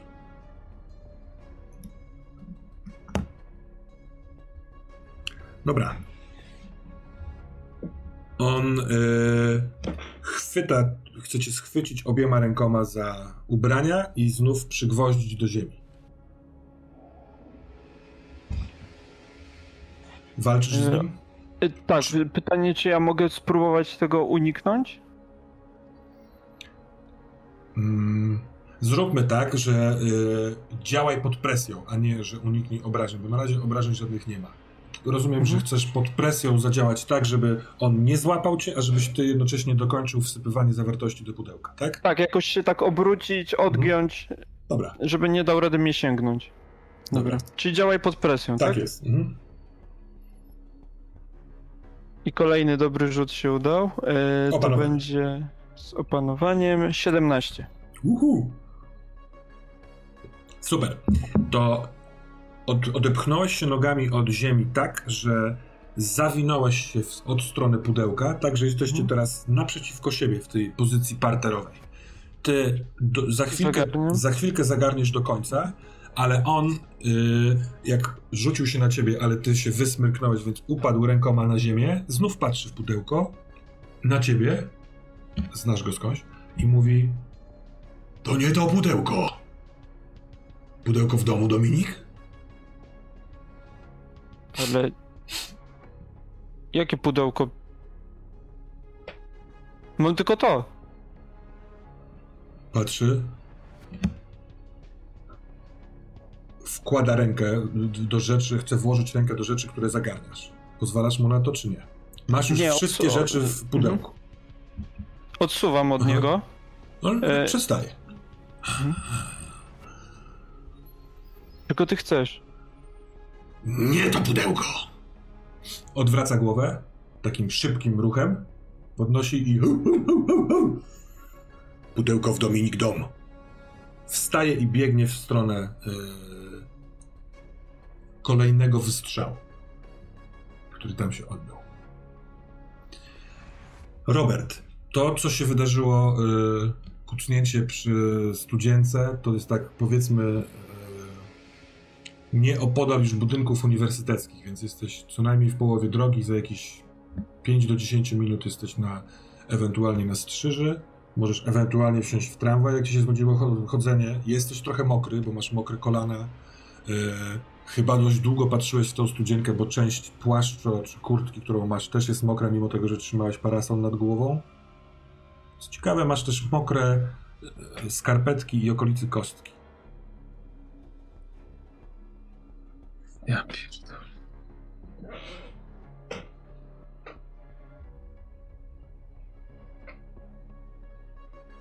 Że znowu to jest jakaś taka dłuższa chwila dochodzenia do siebie. Mhm. Jak już minął mnie ten dziadek, stanę gdzieś po prostu kilka kroków dalej pod parasolem. Przez chwilę będę patrzył na przejeżdżające samochody, gdzieś mhm. przechodzących ludzi. Na ten deszcz znowu właśnie, żeby trochę jakby te emocje opadły, a te wspomnienia jakoś, mhm. te puzzle zaczęły gdzieś tam się układać w głowie. Natomiast takim planem pójścia dalej w tamtym kierunku za, za, za, za kilka minut. No, znów kojąca pewna systematyczność. Bo jako, że jest zmierzch i to samochody mają swoje światła, zapaliły się latarnie.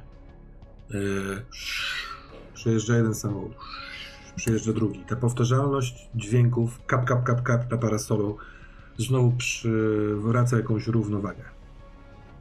Jedyny ślad taki nieprzyjemny to ewentualna mokrość tu i tam, ale w głowie możesz spokojnie ustawiać sobie puzzle i iść dalej w stronę e, PKM-ki. Krzysiek i Rex. Stoicie w domku, Eee, Krzysiek, musisz się trochę wspierać. Już czujesz, że powolutku dłonie ci wracają, ale jak o, położyłeś na ramieniu, żeby wstać e, to, ci, to widzisz swoją dłoń, jak wisi ci taka niebieskawa. E, delirki nie ma, co prawda, ale jest zimno, jest nieprzyjemnie. I to jest głupi moment, ale w takich głupich momentach takie myśli się pojawiają. Zajebiście byłoby teraz, wiesz, żebyś włożył rękę pod stół i tam masz przyklejone na takie taką taśmę klejącą taki woreczek z odrobiną koksu, który jest poza zasięgiem wzroku wszystkich, ale ty wiesz, że to tam jest i teraz to by cię postawiło, ręce byś czuł i tak dalej. Co robicie, widząc jak e, dziadzia, który chciał wybiec z kimś, w sensie na zewnątrz z kimś, tak jakby został zaszarżowany. Ktoś, kto wbiegał, pochylił się w odpowiednim momencie i wbił bark w brzuch e, dziadzi. Więc dziadzia z tym kimś wchodzi do domku. Znaczy, ja, ja w ogóle chyba w takiej sytuacji, to tak jak mówisz, powinienem rzucić na narkomana. Ty już rzuciłeś i ja mam, yy, właśnie wykorzystuję jeden z wpływów. Jeśli pójdziesz tam po ten woreczek, to nie stracisz no, stabilności. No oczywiście, bo, bo tak, no, to mnie wzywa. Mhm. Ja, muszę się, ja muszę się zebrać, to, to, to, mi da, to mi da siłę. Dobra, więc ty kucasz i grzebiesz pod y, stołem. Tak. A ty, Remek? No ja siłą rzeczy jak dziadzia z powrotem wpadł do domku z tym typem, no to próbuję dziadzi pomóc. Już nie strzelam do tego typa, który wbiegł, bo nie widzę bezpośredniego zagrożenia tutaj, tylko chcę go kolbą od... Yy, bo w, jednej w jednym ręku mam pistolet. Ten nóż mhm. wyrzuciłem jak tylko mm. zerwałem te więzy, więc chcę e, go kolbą walnąć w tę głowę albo w kark tego typa. Po prostu chcę pomóc dobra. dziadzi w dobra, tej dobra. szarpaninie. To w takim wypadku... I ogarnąć, czy ktoś jeszcze biegnie po prostu, no nie? Czy to jest jeden gość, czy więcej nadchodzi? Wiesz? Wydaje mi się, że ta, ta, ta sytuacja jest tak zajmująca, że jedną rzecz na raz. Ty go uderz celnie, nie uderzając dziadzi, a potem będziemy się zajmować, czy ktoś dobra. jeszcze biegnie, czy nie. W, w związku z tym, że on jest zajęty przez tę chwilę właśnie dziadzią, to możesz wybrać, czy rzucasz na przystąp do walki, czy na działanie pod presją. Czego masz więcej, przemocy czy opanowania? Opanowania ma więcej. No tak, to jedziesz. mam na plus dwa. No dobra, czyli pyk, pyk. 10 plus 2. 12.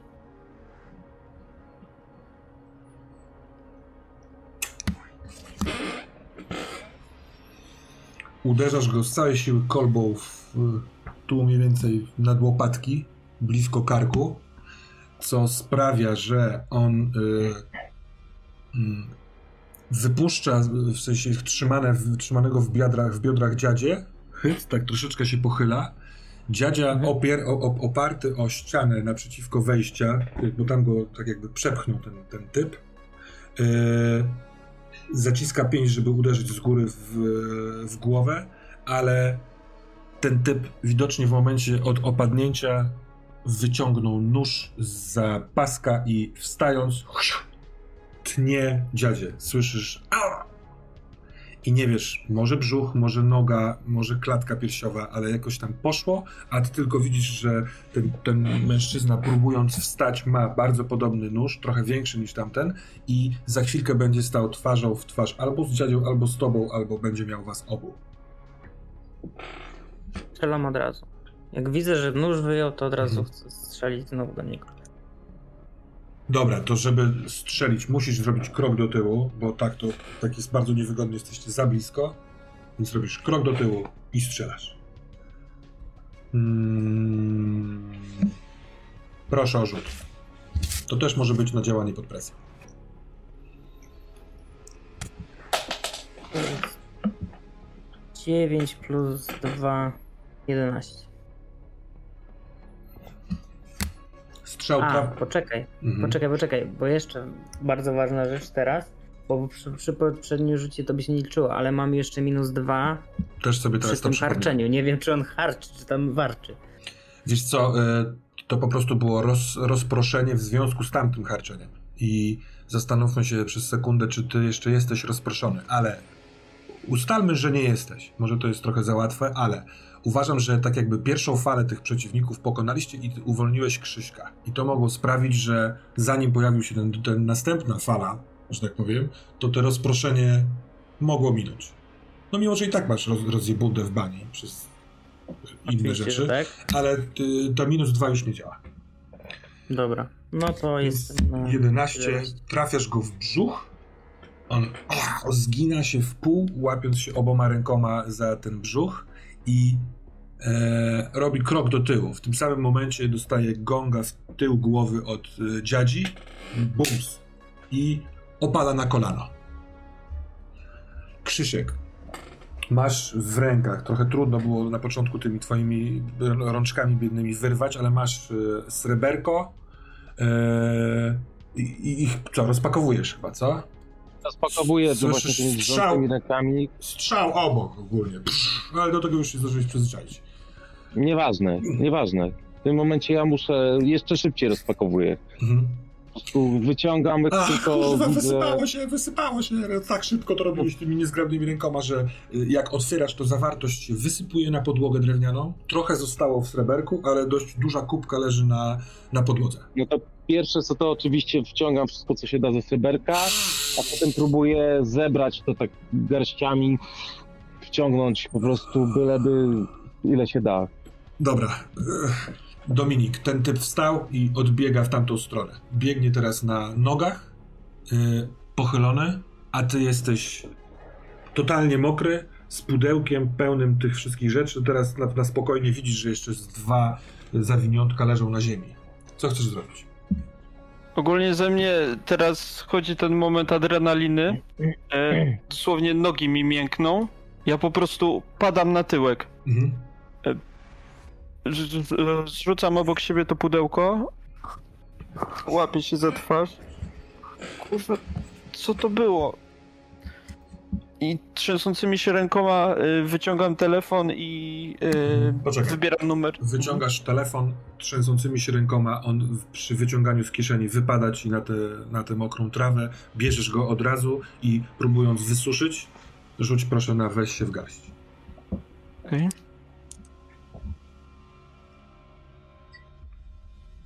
Ja rzucam seriami, teraz kolejny dobry rzut. Y, to będzie Z siły woli. siła woli. Mhm. Y, 17. Brawo. Trzęsące się ręce się zostają i cały twój szok, to co opisujesz, zostaje, ale nie ma mechanicznych e, e, rzeczy. Więc do kogo dzwonisz? Chciałem wybrać numer Remiego. Mhm. E, bo przypomniałem sobie te strzały i pomyślałem, że, że tam też może się coś dziać, więc dzwonię, żeby w ogóle się zorientować, czy on odbierze. Mm, Remi, trochę to. zakładam, że możesz nawet nie słyszeć y, y, w, w, Ja mam z reguły wyciszony telefon, w sensie mam wibrację, więc Jasne, ale to te wibracje chyba nie docierają do ciebie. Nie, Właśnie zabijasz kolejne osoby, więc. y, Dominik, długi, długi, wolny sygnał i nic. No to jak już tam jakaś poczta głosowa, czy, czy ogólnie mnie odbija, rozłączam się Mhm. i wybieram szybko numer do czarka jeszcze. I dzwonię do czarka.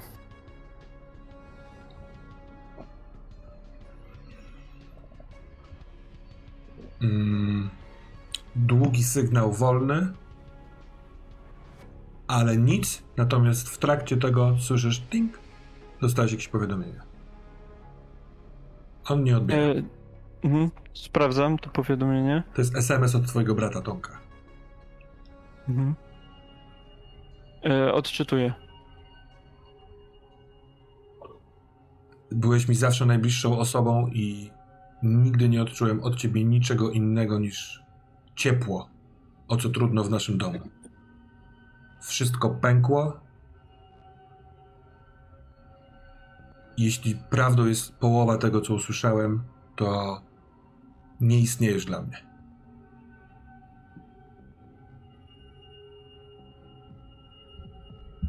Tracisz. Ty masz z bratem plus jeden chyba, tak? Tak. tracisz jedną stabilność Okej. od tego SMS-a.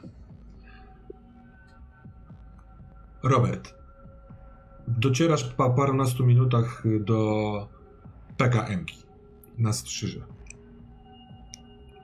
Niby przechodzisz równolegle od wydarzeń, które tutaj gramy. To nie jest aż tak daleko, ale różnice czasu i odległość i deszcz, nie chcę się bawić, czy jest szansa słuchać, słuchać strzały, czy też nie. Raczej, raczej nie. Więc Jasne. raczej docierasz do SKM-ki, nie, PKM-ki nie wiedząc tego wszystkiego. To jest e, taki wał, w, sensie taki e, e, most nad ulicą, nad, nad tramwajami przy tej ulicy.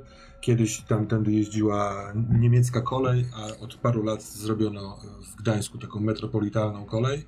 Z lewej strony jest wejście po schodach na perony.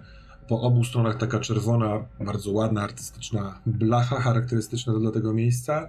Za przystankiem i za tym wałem jest pętla tramwajowa. Yy. No i co byś chciał tu zrobić? Najlepsze jest to, że sam do końca nie wiem. Znaczy, widząc to zdjęcie i nie mając za bardzo pomysłu, co z nim dalej zrobić w momencie, w którym też Dominik nie odpisuje. Mhm. E, z niczym konkretnym postanowiłem tu przyjść, przejść się po prostu po okolicy, wejść na ten peron, stanąć mniej więcej w tym miejscu, w którym zostało to zdjęcie uchwycone, rozejrzeć się, pochodzić, jakoś trochę chłodnąć, powiedzmy, aurę tego miejsca. Co tak naprawdę to jest to chłodny i wilgotny, nie do końca przyjemny spacer. Yy, właśnie we wczesny, znaczy późne popołudnie w październiku, w który leje i jest zimno. I trochę czujesz bezsil bezsilności, kiedy tak chodzisz trochę bez celu. Albo a może to nie jest bezsilność, a może po prostu w ten sposób się relaksujesz, ale niewiele z tego wszystkiego wynika. Jest co prawda moment, w którym udaje ci się, porównując z tym MMS-em, znaleźć miejsce, gdzie stał mniej więcej pan fotograf. To jest taka na tej pętli bardzo cieniutki chodnik. Yy, musiał się trochę pogimnastykować, żeby uchwycić z odpowiedniego kąta ludzi, którzy wysiadają z tego przystanku. I rzeczywiście yy, widzisz ten kawałek czerwonej blachy, który widać na zdjęciu przez szyby tego tramwaju. No widzisz schodzącego tego swojego, nie swojego oczywiście, yy, do tego mężczyzny podobnego do twojego brata, tych parę osób, które są trochę rozmazane. Za plecami masz y, gałęzie. Tutaj ten, ten, ten chodnik jest taki, y, takim łukiem z, z, zawija i tuż pod, za twoimi plecami są, mm, jest płot, przez który przedziera się gęstwa krzaków i drzew. Bo tutaj przy, tej, przy tym przystanku jest dom, dosyć duży, yy, duża taka kamienica, bardzo blisko tej pętli. Pierwsze skojarzenie, kurwa, ciekawe jak tam zasypiają, ale pewnie się przyzwyczaili. Natomiast cały ten dom jest otoczony mnóstwem drzew zieleni. Z prawej strony masz taki teren, który, w którym kiedyś był sklep yy, ze zwierzętami, dla zwierząt, z roślinami, taki, on się nazywał okaz i był takim dużym, dużym szklarnio hangarem, ale od dawna tam tego nie ma i jest pełno takiego nieużytku rosnącej dziko trawy, jakieś tam ci się o, o, uszy plany budowy jakiegoś osiedla czy coś takiego, jakiś plac zabaw jeszcze jest obok, taki z siłownią, no i ten wał PKN Koły. Nic, nic, nic z tego nie wynika dla twojego śledztwa. Prędzej tu jeszcze chwilę właśnie, trochę na zabicie czasu, mniej więcej do, do tego momentu, kiedy, kiedy będę miał ruszać do Karoliny. Mhm. Trochę właśnie jeszcze może łudząc się, że w którymś momencie wpadnie mi coś w oko, co... Fajnie, wydaje mi się, że mógłbyś przez chwilkę zachcieć, żeby teraz w końcu napisał SMS albo zadzwonił do ciebie Dominik z jakimś super fajnym wnioskiem dotyczącym tego, żeby dał ci klucz do tego miejsca, w którym jesteś. Ale może zajmują go ważniejsze rzeczy. Trudno stwierdzić. Remi. Ten typ po otrzymaniu strzału w brzuch klęczy i tego ciosu w głowę, potężnego ciosu, yy, klęczy, trzyma się zwinięty za, yy, za brzuch i robi takie jakby, nie wiem, z bólu, popiskiwał, jakby coś go bolało. I ten dźwięk znowu sprawia, że masz wrażenie, że kurwa, znowu nie ma dachu, aż nie chcesz spojrzeć w górę, a może chcesz, nie wiem, ale znowu inaczej słyszysz dźwięki niż przed chwilką. Dziadzia obok y, opiera się o ścianę, do której został wcześniej przygwożdżony i tą ręką, którą przed chwilką powalił tego typa, chwyta się za podbrzusze, tak na wysokości dołu brzucha. Od razu widzisz, że na dłoń wycieka krew. Co robisz? Dasz radę? Kurwa. Dasz radę iść? Tak, tak. Daj płaszcz. Płaszcz podaj, proszę. Daję mu płaszcz, przyciskam mu do brzucha od mhm. razu. Tak, on go też dociska sobie, ale w tym, w trakcie tego ten typ podnosi głowę. Eee, ma krew na, wokół ust. Mm, nie wiem, może mu wyciekła z tego postrzału, trudno stwierdzić. E, patrzy na was takim obłąkanym wzrokiem i oblizuje tą krew. Ten ma nóż w ręku teraz? Przy, jak przyciska sobie do dłonie, do czemu wypadł? Jak to jest? Ma, ma nóż w rękach, który mi ci przyciska e, tę ranę. W jakiej ja jestem wobec niego w tym momencie pozycji? Jestem za nim, przed nim? Ty, yy, pomiędzy tobą a tym napastnikiem jest Remi. Ty Aha, czyli... klęczysz przy stole, yy, właśnie zażyłeś mhm. wszystko, co się dało zażyć i czujesz rosnącą moc i kurwa jebać niedokrwione ręce. Yy, dwa kroki od ciebie jest Remi, plecami do ciebie, a za nim jest tamten facet. Okej, okay, więc ja myślę... A zamiast dachu jest znowu nasza wspaniała wieża. I... Więc ja... Już idziemy! Już idziemy! Słyszycie obaj z góry. I słychać krok po takiej mm, metalowej posadzce. Gdzieś tam u góry.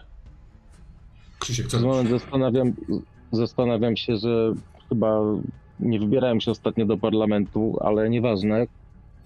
Yy, czuję tą moc. Wciągnąłem tej koki naprawdę dużo. Teraz jestem, jestem Bogiem, tak? Eee, krzyczę Remek, Remek, ja się nim zajmę i w tym momencie rzucam się na tego, po prostu wybijam się z nóg, jak, jak na, na, znaczy najsilniej jak mogę, tak? Mhm. Po prostu rzucam mu się z, z rękami do szyi. Dobra. E, Remek, jako że za tobą jest ten krzyk, Krzyśka, słyszysz co tak, on chcę proponuje. mu z drogi. Schodzisz mu z drogi. Myślę, że w stronę dziadzi, który chętnie to przyjmuje, bo się opiera na, o to, na, na ciebie. Więc Krzyśku, Rzucaj proszę na przystąp do walki.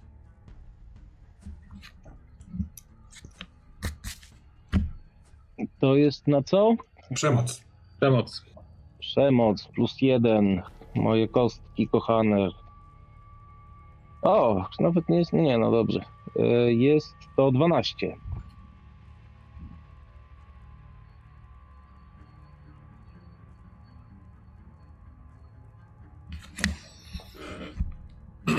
dopadasz do tego typa. Zdążasz, dlatego ponieważ jesteś błyskawicznie szybki, e, zanim on odciągnie rękę z nożem, żeby się bronić. Więc nie wiem, co chcesz zrobić. Chcesz go złapać za wszasz, złapać go za szyję, czy po prostu go przydusić? Tak, go złapać za szyję, tak po prostu złap, tak jakbym go agresywnie, tak jakbym go złapał za szyję i chciał go udusić, wręcz mu urwać głowę. No to, to wiadomo, to są takie, to jest taki atak y, desperacki wywołany tym, y, tym tą, tą, tą koką, której wciągnąłem. Ja po prostu czuję, wiesz, że ja mu urwę tą głowę. W swojej Więc głowie. Zaciskasz swoje dłonie na jego szyi, zanim on y, odciąga rękę z nożem, żeby cię zatrzymać. Ale jak już chwytasz i zaczynasz miażdżyć szyję, czujesz, że ona jest twarda, taka napięta, ścięgna, mięśnie od razu zareagowały na uchwyt, ale powolutku zaczynasz dławić, a on patrzy na ciebie tymi swoimi dzikimi oczyma, wycharcza ledwo słyszalne gdzie pudełko? Oraz te dłonie, którymi, które przyciskał do rany nożem, widzisz to, bo ty widzisz teraz wszystko prze, przejeżdża po swojej ranie, tak że moczy ostrze nożem i zamachuje się na ciebie. Remku, stojąc z dziadzią ramię w ramię, widzisz to, że się ten typek, który jest duszony, zamachuje na y, Krzyśka oraz słyszysz biegi na zewnątrz domku. To się nie chce skończyć. Gdybym nie słyszał biegów, to pewnie bym go próbował łapać za rękę, a tak to znowu robię to samo, co było jak był duszony dziadzia, czyli przykładam mu po prostu pistolet do głowy, zamykam oczy, żeby mi jakoś to przeszło w ogóle w mojej głowie, bo już jestem totalnie rozjebany i pociągam ze spust. Tego, który jest duszony przez Krzyśka. Tak. Dobra. Zanim uderzy Krzyśka. No. No to chcę, no. chcę sprawdzić, czy zdążysz przyłożyć, bo to jest trochę nad Krzyśkiem, który się rzucił. Jest trochę tego chaosu i rozgardiasza. Możesz skorzystać z działania pod presją zamiast przystępowania do walki, bo on z tobą nie walczy, tylko jest zajęty czymś innym. Ale zobaczmy. Czyli dodajemy opanowanie, tak? tak Czyli jest. plus, plus 2. To jest 8 i 5 plus 2, tak? No to 15. To wspaniale się udaje. udaje się to, że Krzysiek w momencie, kiedy czujesz, że za chwilkę pęknie jego kark, leci nóż w twoją stronę, okrwawiony, czujesz zajebisty pos, po, zapach tego, ojejku, kurwa, to też byś wciągnął, prawdę mówiąc, i w tym momencie wybucha głowa tego mężczyzny. Chlapie cię zupełnie, e, ten nóż, bąks z tą ręką opada obok ciebie, hałas jest straszliwy, dziadzia ręku, po, zaraz po tym strzale, e, odrywa jedną rękę z, z tego płaszcza i wspiera się na twoim barku, przed domkiem w trawie stoi facet z długimi włosami w kitku. Eee, patrzy na to, co się wydarzyło i pyta: Gdzie jest nasze pudełko? Nie mamy żadnego pudełka. Mówię, wychodząc i celuję do niego od razu. Jest w środku. Daj mi to. Ja wychodzę z dziadzią podpartym mm, i mówię, bierz co chcesz. Krzysiek, co ty robisz? Ja krzyczę, krzyczę do, do Remiego. Remek, rozjeb go. Rozjeb go, rozjeb skurwysyna. Nie, ja nie robię nic, ja po prostu idę dalej. On idzie, idzie w stronę wejścia do domku. Więc o ile ty, Remek, razem z dziadzią jesteście już na werandzie, możecie się minąć, możesz mu zrobić miejsce, możesz do niego strzelać Tak, ja mu go przepuszczam, jeśli nie ma nic w rękach, gościu, nic nie ma. Nie, nie ma nic w rękach. Krzysiek, Dobra, to ty jesteś, jak rozumiem, jeszcze w środku domku. Jeżeli ten typek mm. będzie wchodził, to stanie dokładnie tuż nad tobą, chyba że wstaniesz. Oczywiście. E, znaczy tak, ja próbuję, ja opiszę, co chciałbym zrobić. Chciałbym się po prostu rzucić i tak go w pacie złapać, po prostu wypchnąć go z tego domku. Po prostu chcę, chcę uciec stamtąd. Chcę, to jest pierwszy, pierwszy jakby myśl, jaka mi przychodzi, żeby, żeby stamtąd uciec. Dobra. Ale z, z nim chcesz wypaść z tego domku. Znaczy, dla mnie to nie, jest, nie ma znaczenia, po prostu no, rozumiem, że on mi zostawia wyjście z domku, tak? Nie, on idzie w stronę wejścia do domku. On idzie w stronę wejścia. Aha, bo ja myślałem, że on już, że już nie, nie, nie, nie, nie, nie. on idzie. Y, nie, to znaczy, wiesz to nie, to ja tak naprawdę y, po prostu staram się uciec, staram się jak najszybciej stamtąd wybiec. Nie, nie obchodzi mnie to, czy, czy, czy ja mu coś zrobię, czy nie, po prostu moim celem jest ucieczka stamtąd. Czyli wstaję szybko i, i po prostu wybiegam. Dobra. Eee... Czekaj, miałeś coś ze sobą. Miałeś coś ze sobą, coś ważnego. Widzisz, jak kucasz w ciemnym, chłodnym, wilgotnym pomieszczeniu. Bang, tak, tam byłeś, tam byłeś. To, to, to ten korytarz. Spoglądasz w lewo, przez, to, to trwa ułamek sekundy, ale tak jak się spodziewałeś, jest Dominik, który patrzy na ciebie i wyciągacie rzeczy, on wyciąga rzeczy z pudełka i to są papiery, jakiś album chyba, taki na zdjęcia, jakaś książka, jakieś zdjęcia luzem, a ty jednocześnie kucając obok niego otworzyłeś plecak i wyciągasz wszystkie narkotyki, które tam masz. On tam wkłada papiery. Ten typ za trzy kroki będzie w środku, ty jesteś gotów, żeby wyskoczyć, żeby opuścić ten dom, ale kurwa miałeś ze sobą plecak. Mhm. Zostawiasz ten plecak? Nie, wiesz, właśnie o tym, zanim powiedziałeś, zacząłeś mówić, to sobie już przypomniałem o plecaku. E, rozglądam się szybko, czy jestem w stanie go zlokalizować. Ten plecak leży e, otwarty na podłodze. Właściwie za chwilkę zacznie, do, dopłynie do niego kałuża krwi z jednego z ciał. Mhm. Rzeczy w środku, on widocznie się przewrócił, trochę się wysypały i rzeczywiście to są te papiery, które wetknął tam Dominik. I nie da się szybko zabrać całości i zdążyć wyjść, zanim ten człowiek wejdzie hmm. do środka. E, wiesz co, ja się rzucę, znaczy po prostu podchodzę szybko do tego plecaka, jak najszybciej jak mogę. Staram się zgarnąć ile się da, takim szybkim ruchem ręki. Mhm. Jeżeli czegoś nie zdążę, no to, to ten, ale staram się zgarnąć jak najwięcej. E, rozumiem, że on już wchodzi. W związku z tym ja, bo cały czas jestem no jednak nakoksowany, tak? Mhm. I, E, ten domek ma okno. Słucham? Biorę, ten domek ma okno. Tak. Poza drzwiami.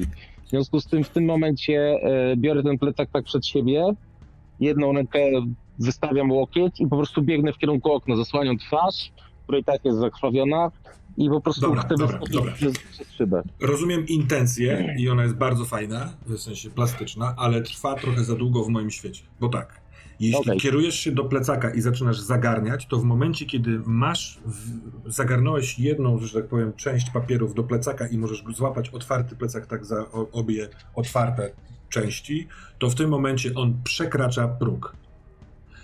Remi.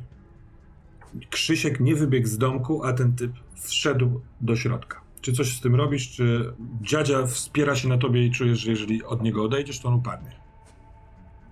Sadzam dziadzie po prostu na tym i szybkim krokiem podchodzę do typa do tyłu. Dobra, sadzasz dziadzie.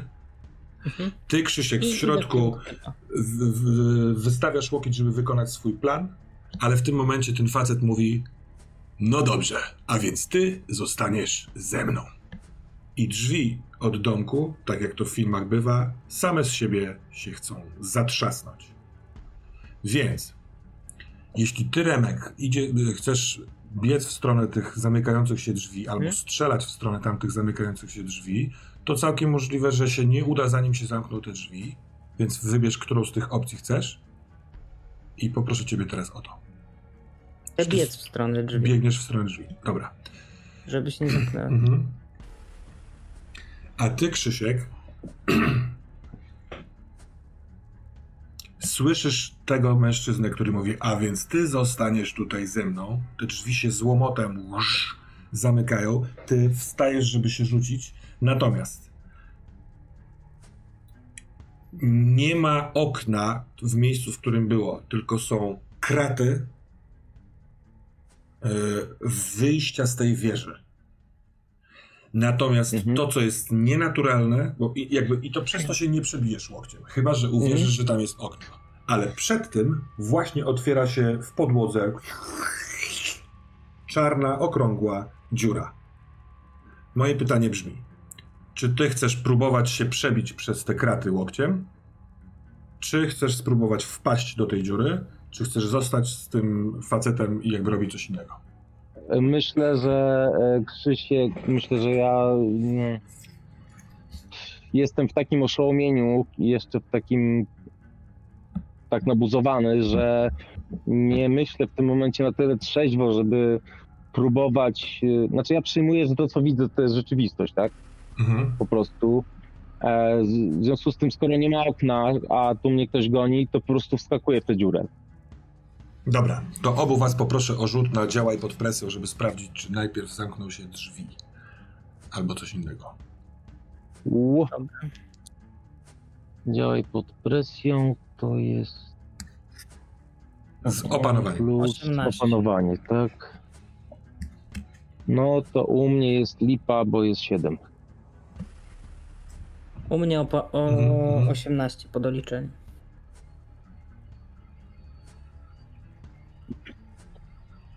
Mhm, sekunda.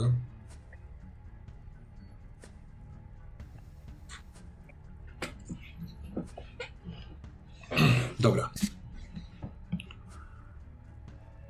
Krzysiek, z całą wolą, z impetem chcesz wskoczyć do tej dziury. Trzymając plecak. Natomiast w momencie, kiedy dobiegasz do tej dziury, to ten typ, który zdążył wejść przez próg, rusza na ciebie. I na razie to zawieźmy, bo Remek. Drzwi dosyć szybko lecą, ale ty dobiegasz do tych drzwi. Możesz złapać lewą ręką, żeby się nie domknęły. I widzisz, jak Krzysiek biegnie w stronę ściany. Widzisz kątem oka czarną dziurę w podłodze i facet, ten, ten z kitkiem, skacze w stronę Krzyśka. Co chcesz zrobić? No chcę strzelić do tego typa, po Dobra. prostu. To teraz, to teraz proszę cię o przystąpienie do walki. A właściwie czekaj, nie byłem z tyłem i doskakuję to blisko. Nie, nie rzucaj. Dobra. Krzysiek. Wpadasz w dół. Lecisz na tyle długo, żeby będąc w ciasnym, owalnym, kurwa, w czarnej dupie, z, pomyśleć przez chwilkę, czy to ma dno. I w momencie, kiedy to pomyślałeś, okazuje się, że ma dno, wpadasz z pluskiem w jakąś kałużę, twarde podłoże, nie spodziewałeś się w danym momencie tego, tego dna, więc upadasz cały. Na ciebie upada tamten typ, który wskoczył tam za tobą. Bsz. Remis. Strzeliłeś w plecy tego typa, co dodało mu e, pędu. Ma wielką dziurę w środku kręgosłupa i wpada do tej dziury, po czym ta dziura się zamyka. Lups! Remik. Jesteś w domu, w którym jesteś tutaj już od ile to trwało wszystko, z godzinę może? Trzy ciała, pełno krwi, sporo narkotyków, kilka kartek papieru na podłodze. Właśnie zniknął na twoich oczach Krzysiek w jakiejś dziurze razem z jakimś facetem, co sprawia, że tracisz jedną stabilność z automatu. Dziadzia za twoimi plecami mówi A, Marek, pomóż mi. I na tym zakończymy dzisiejszą sesję.